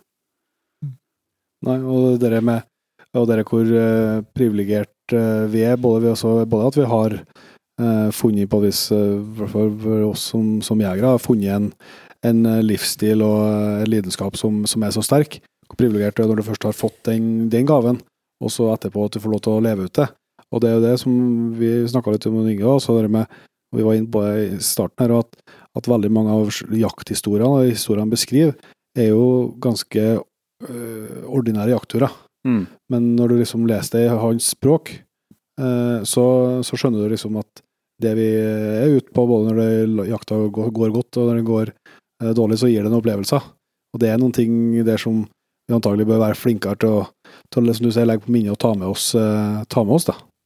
Det, trenger ikke å trenger ikke å være den største oksen eller, eller den tyngste sekken som, som gir de største opplevelsene. Det kan være den, eh, den enkleste jaktturen. Jeg tror du er inne på noe veldig essensielt der, altså at eh, eh, altså, livet har flest hverdager, og de Mm. fleste turene, enten med, med våpen eller fiskestang eller andre typer turer, så, så, så er de ganske ordinære. Mm. Og det å, å hente ut gleden over alle de helt vanlige turene, Mm. eh, da, da, da det tror jeg da er man på vei til å, til å ha det bra, rett og Ja, slett. det- Og det, og det, det tror jeg er noe som, som vi, eh, vi trenger å, å tenke eh, mer eh, Og være mer obs på i, i 2020 enn hvis kanskje han, hans generasjon var. fordi at det Man ser det sånn altså vi med, fra, Jeg er jo en stor fan av sosiale medier, for all del. Men samtidig så er det sånn at, som vi har snakka om, at når, når eh, det er 25. september, så ser du, så er Facebook-feeden plutselig fylt opp av store elgokser. Men det er jo ikke sånn at alle som er på jakt, skjøter store elgokser. Det er bare at eh, dem som skjøter dem, vil legge ut bilder av dem. Mm. Og når du har samla 40 000 av dem i gruppe, så er det alltid noen som får den opplevelsen den dagen. Mm. Men for de aller fleste så er forløpet ikke jakta, jakta sånn, sånn. Så, så at du lenger du, du, Det er så fort gjort nå at man, man Og det ser en jo på, på barn og unge, sant. Som om det er på idrett, så, så sammenligner de seg lenger med det beste i grenda eller i nabolaget. De sammenligner seg kanskje med det beste i verden. Mm. Eh, om det er fotball eller hva det skal være. sånn, Så, og da blir det da, da jakter du på noe som du egentlig, egentlig ikke ønsker å jakte på. Mm. Du ønsker, du ønsker som sagt å, å være til stede i det som er, det som er hverdagen og det som er de basisopplevelsene. Ikke, ikke gå og kjenne på et savn fordi at du ser at noen andre har fått til noe annet. eller sånn. Og så I tillegg så skal du være veldig klar over at det ikke, de har ikke nødvendigvis fått til det de legger ut på Facebook. Eh, altså, det, det er jo ikke på en måte det de altså, Det er den bitte lille delen av livet sitt Yes. som de velger å vise fram. Ja. å vise fram. Eh, så det, det er jeg enig i. Altså, det må eh, Ja, det, det er moro med sosiale medier. Altså, som en liten motvekt til det der. Altså, jeg prøvde med meg å få folk til å bruke hashtaggen 'ekte friluftsliv', Mm. og så legge ut alle de bildene om, av ting som ikke går som det skal. Mm. Det begynte med at jeg, eh, jeg dro på skogsfugljakt i Trollheimen. Overnatta i, eller skulle overnatte i telt, men jeg kom hjem uten telt. Ja. Fant aldri igjen. Satt opp teltet, dro på jakt, og så begynte det å snø, og så var det noe, et eller annet feil med GPS-en. øh, Sånn at øh, Kom vi tilbake? De, nei, det, jeg fant det igjen to år seinere. Ja. og det er jo mye sånne opplevelser som folk har rundt omkring. Mm. og altså, Vi skal si noe om når vi først er inne på sosiale medier. altså Del alt det som går gærent. Mm. Så øh, gjør du folk en tjeneste. Så, altså, så jeg tror at det er enda, altså, det som han eh, viser fram veldig godt gjennom forfatterskapet sitt, det, det har vi alle godt av å, å reflektere mer omkring. Da. Det tror jeg. Mm. Det er vel en grei ting å nærme seg slutten med. Det Mm. var øh, fryktelig artig å lage podkast sammen med dere. Takk I det like, samme. i like måte. Ja. Og så skal vi eh, rette en stor takk til, til de lokalene vi sitter i. Ja. Vi er jo på, på Big Five på Røra. Mm. Det ble sånn ca. midt imellom oss alle sammen, så har vi fått kjørt en liten bit med bil. Bortsett fra Petter, da. Ja. Han er han. Ja. Men det er jo uh, artig å få sett og, og spille inn podkast i sånne om- omgivelser som det er det rommet vi sitter i nå. Ja, det er utrolig stille Alexander har fått der. Så det anbefales alle som er i traktene og innom og ta en kikk på. Og så skal vi også si det før vi eh, runder av at uh, hvis dere syns vi har prata litt annerledes, eller oppfører oss litt annerledes i podkasten, så kan det ha noe med at vi rundt oss uh, av en merkelig grunn har tre kamera. Ja. Uh, så den podkasten her blir mulig både å se og høre. Sånn For egen del så er jeg litt usikker på hva det å se meg skal tilføre i tillegg. Men Det tror jeg det, det, Men, det gjelder oss alle tre. ja, mar- markedet er vanskelig å forstå. Så, må prøve. ja. Antagelig kan kanskje få litt sånn medlidenhet. De, de skjønner hvorfor vi bare holder oss til radio. ja, noe med det. Men eh, helt eh, på slutten, eh, før Oddbjørn Lindsetmo døde, altså siste boka hans, 'Naturen er gavmild', som Mm. er en ganske sterk statement bare i tittelen, den ble utgitt etter at han var død. Mm. aller siste han produserte, det, det må vel kunne sies å være et dikt Mm. som han dikterte til kona, som skrev det ned bare noen få dager før han døde. Eh, Det har vi vært så heldige å få Jens Kvernmo til å lese inn. Eh, og han skal vel få lov til å avslutte denne episoden. Er det noe dere har lyst til å si før vi eh, rydder scenen for Jens? Nei, jeg tror vi skal eh, være glad for at vi får høre stemmen til Jens, som koser seg i Canada. Og så i hvert fall eh, vil jeg si tusen takk eh, til deg, Ronny, for at du tok initiativet til dette og åpna i hvert fall øynene mine for forfatterskapet til Odd Oddbjørn. Mm. Det var jo veldig hyggelig, og håper at flere ute der òg kan oppdage Oddbjørn Linseth-Mo. Men da sier vi vel eh, vær så god til Jens, som kanskje er en naturlig arvtaker til Oddbjørn på mange vis. Vær så god. Vi skulle ha vært inn med bessa nå, funnet oss en lyngrabb som vårsola har svidd tørr. Satt oss nedpå og pusta på ei stund. Luffa oss en tur, funnet oss en gadd skolm. Tent opp, hengt over svartkjelen, sotete og velbrukt. Vi skulle ha stekt flesk på gloa, etti og fundert litt, mens jeg tok den siste eh, sukkersuppen. Vi skulle ha gått utover Gåvassdalen utpå natta, svingt innom Laughaugen og lytta til knepp fra fugleleiken der. Kommet hjem utpå morgensida, ranga til oss fjellklærne og skåla med våren i iskald melk. Lagt oss på teppene, folda hendene og sovna som et barn. Det var det vi skulle ha gjort før i sommeren og før høsten kommer. Det var altså Randulf eh, Valle fra podkasten Uteliv i lag med oss og, og i ånden i hvert fall forhåpentligvis Oddbjørn Linsetmo. Um, håper at det ga et lite et bilde på en forfatter som eh, vi sa der, som vi tenker fortjener å enda mer anerkjennelse, og at flere leser det han har utgitt, enn kanskje det som er tilfellet til, til nå, da. Mm.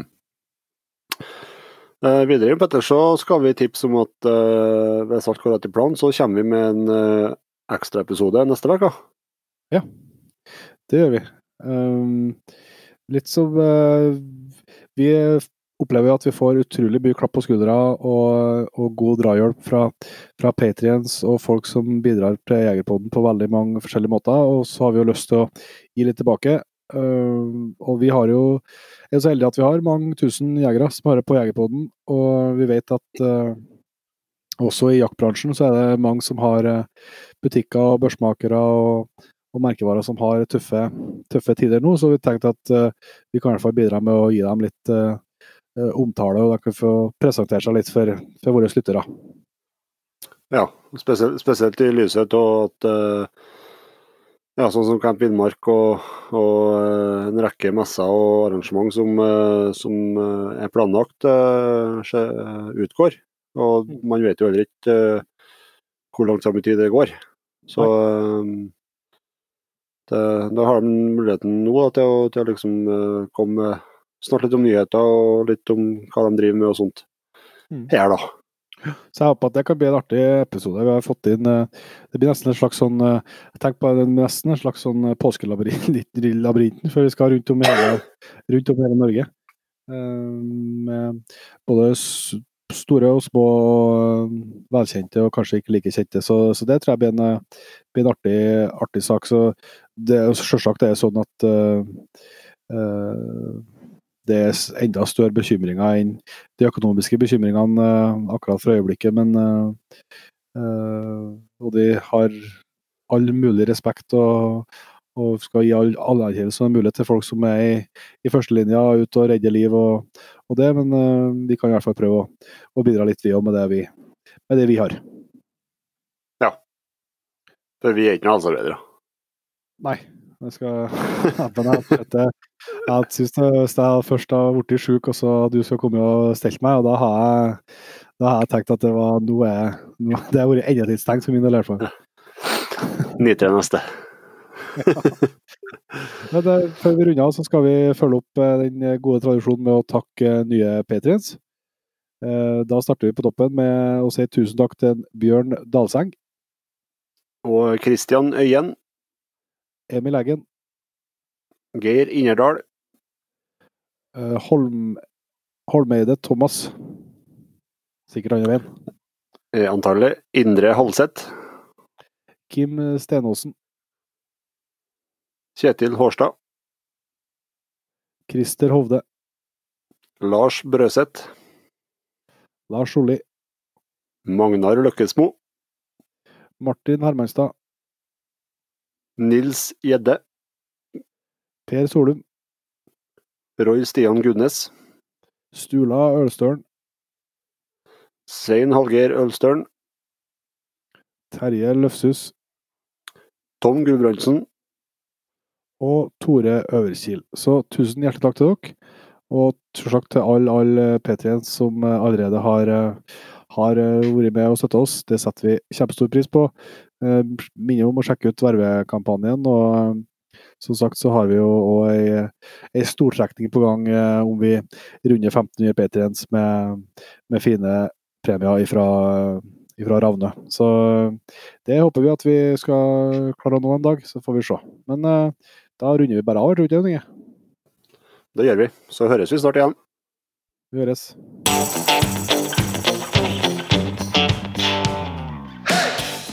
Tusen hjertelig takk for at du valgte å bruke litt av tida di på Jegerpodden.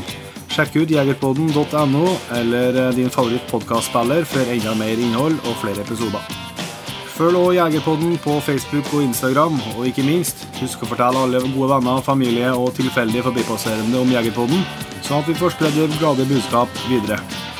Vi høres.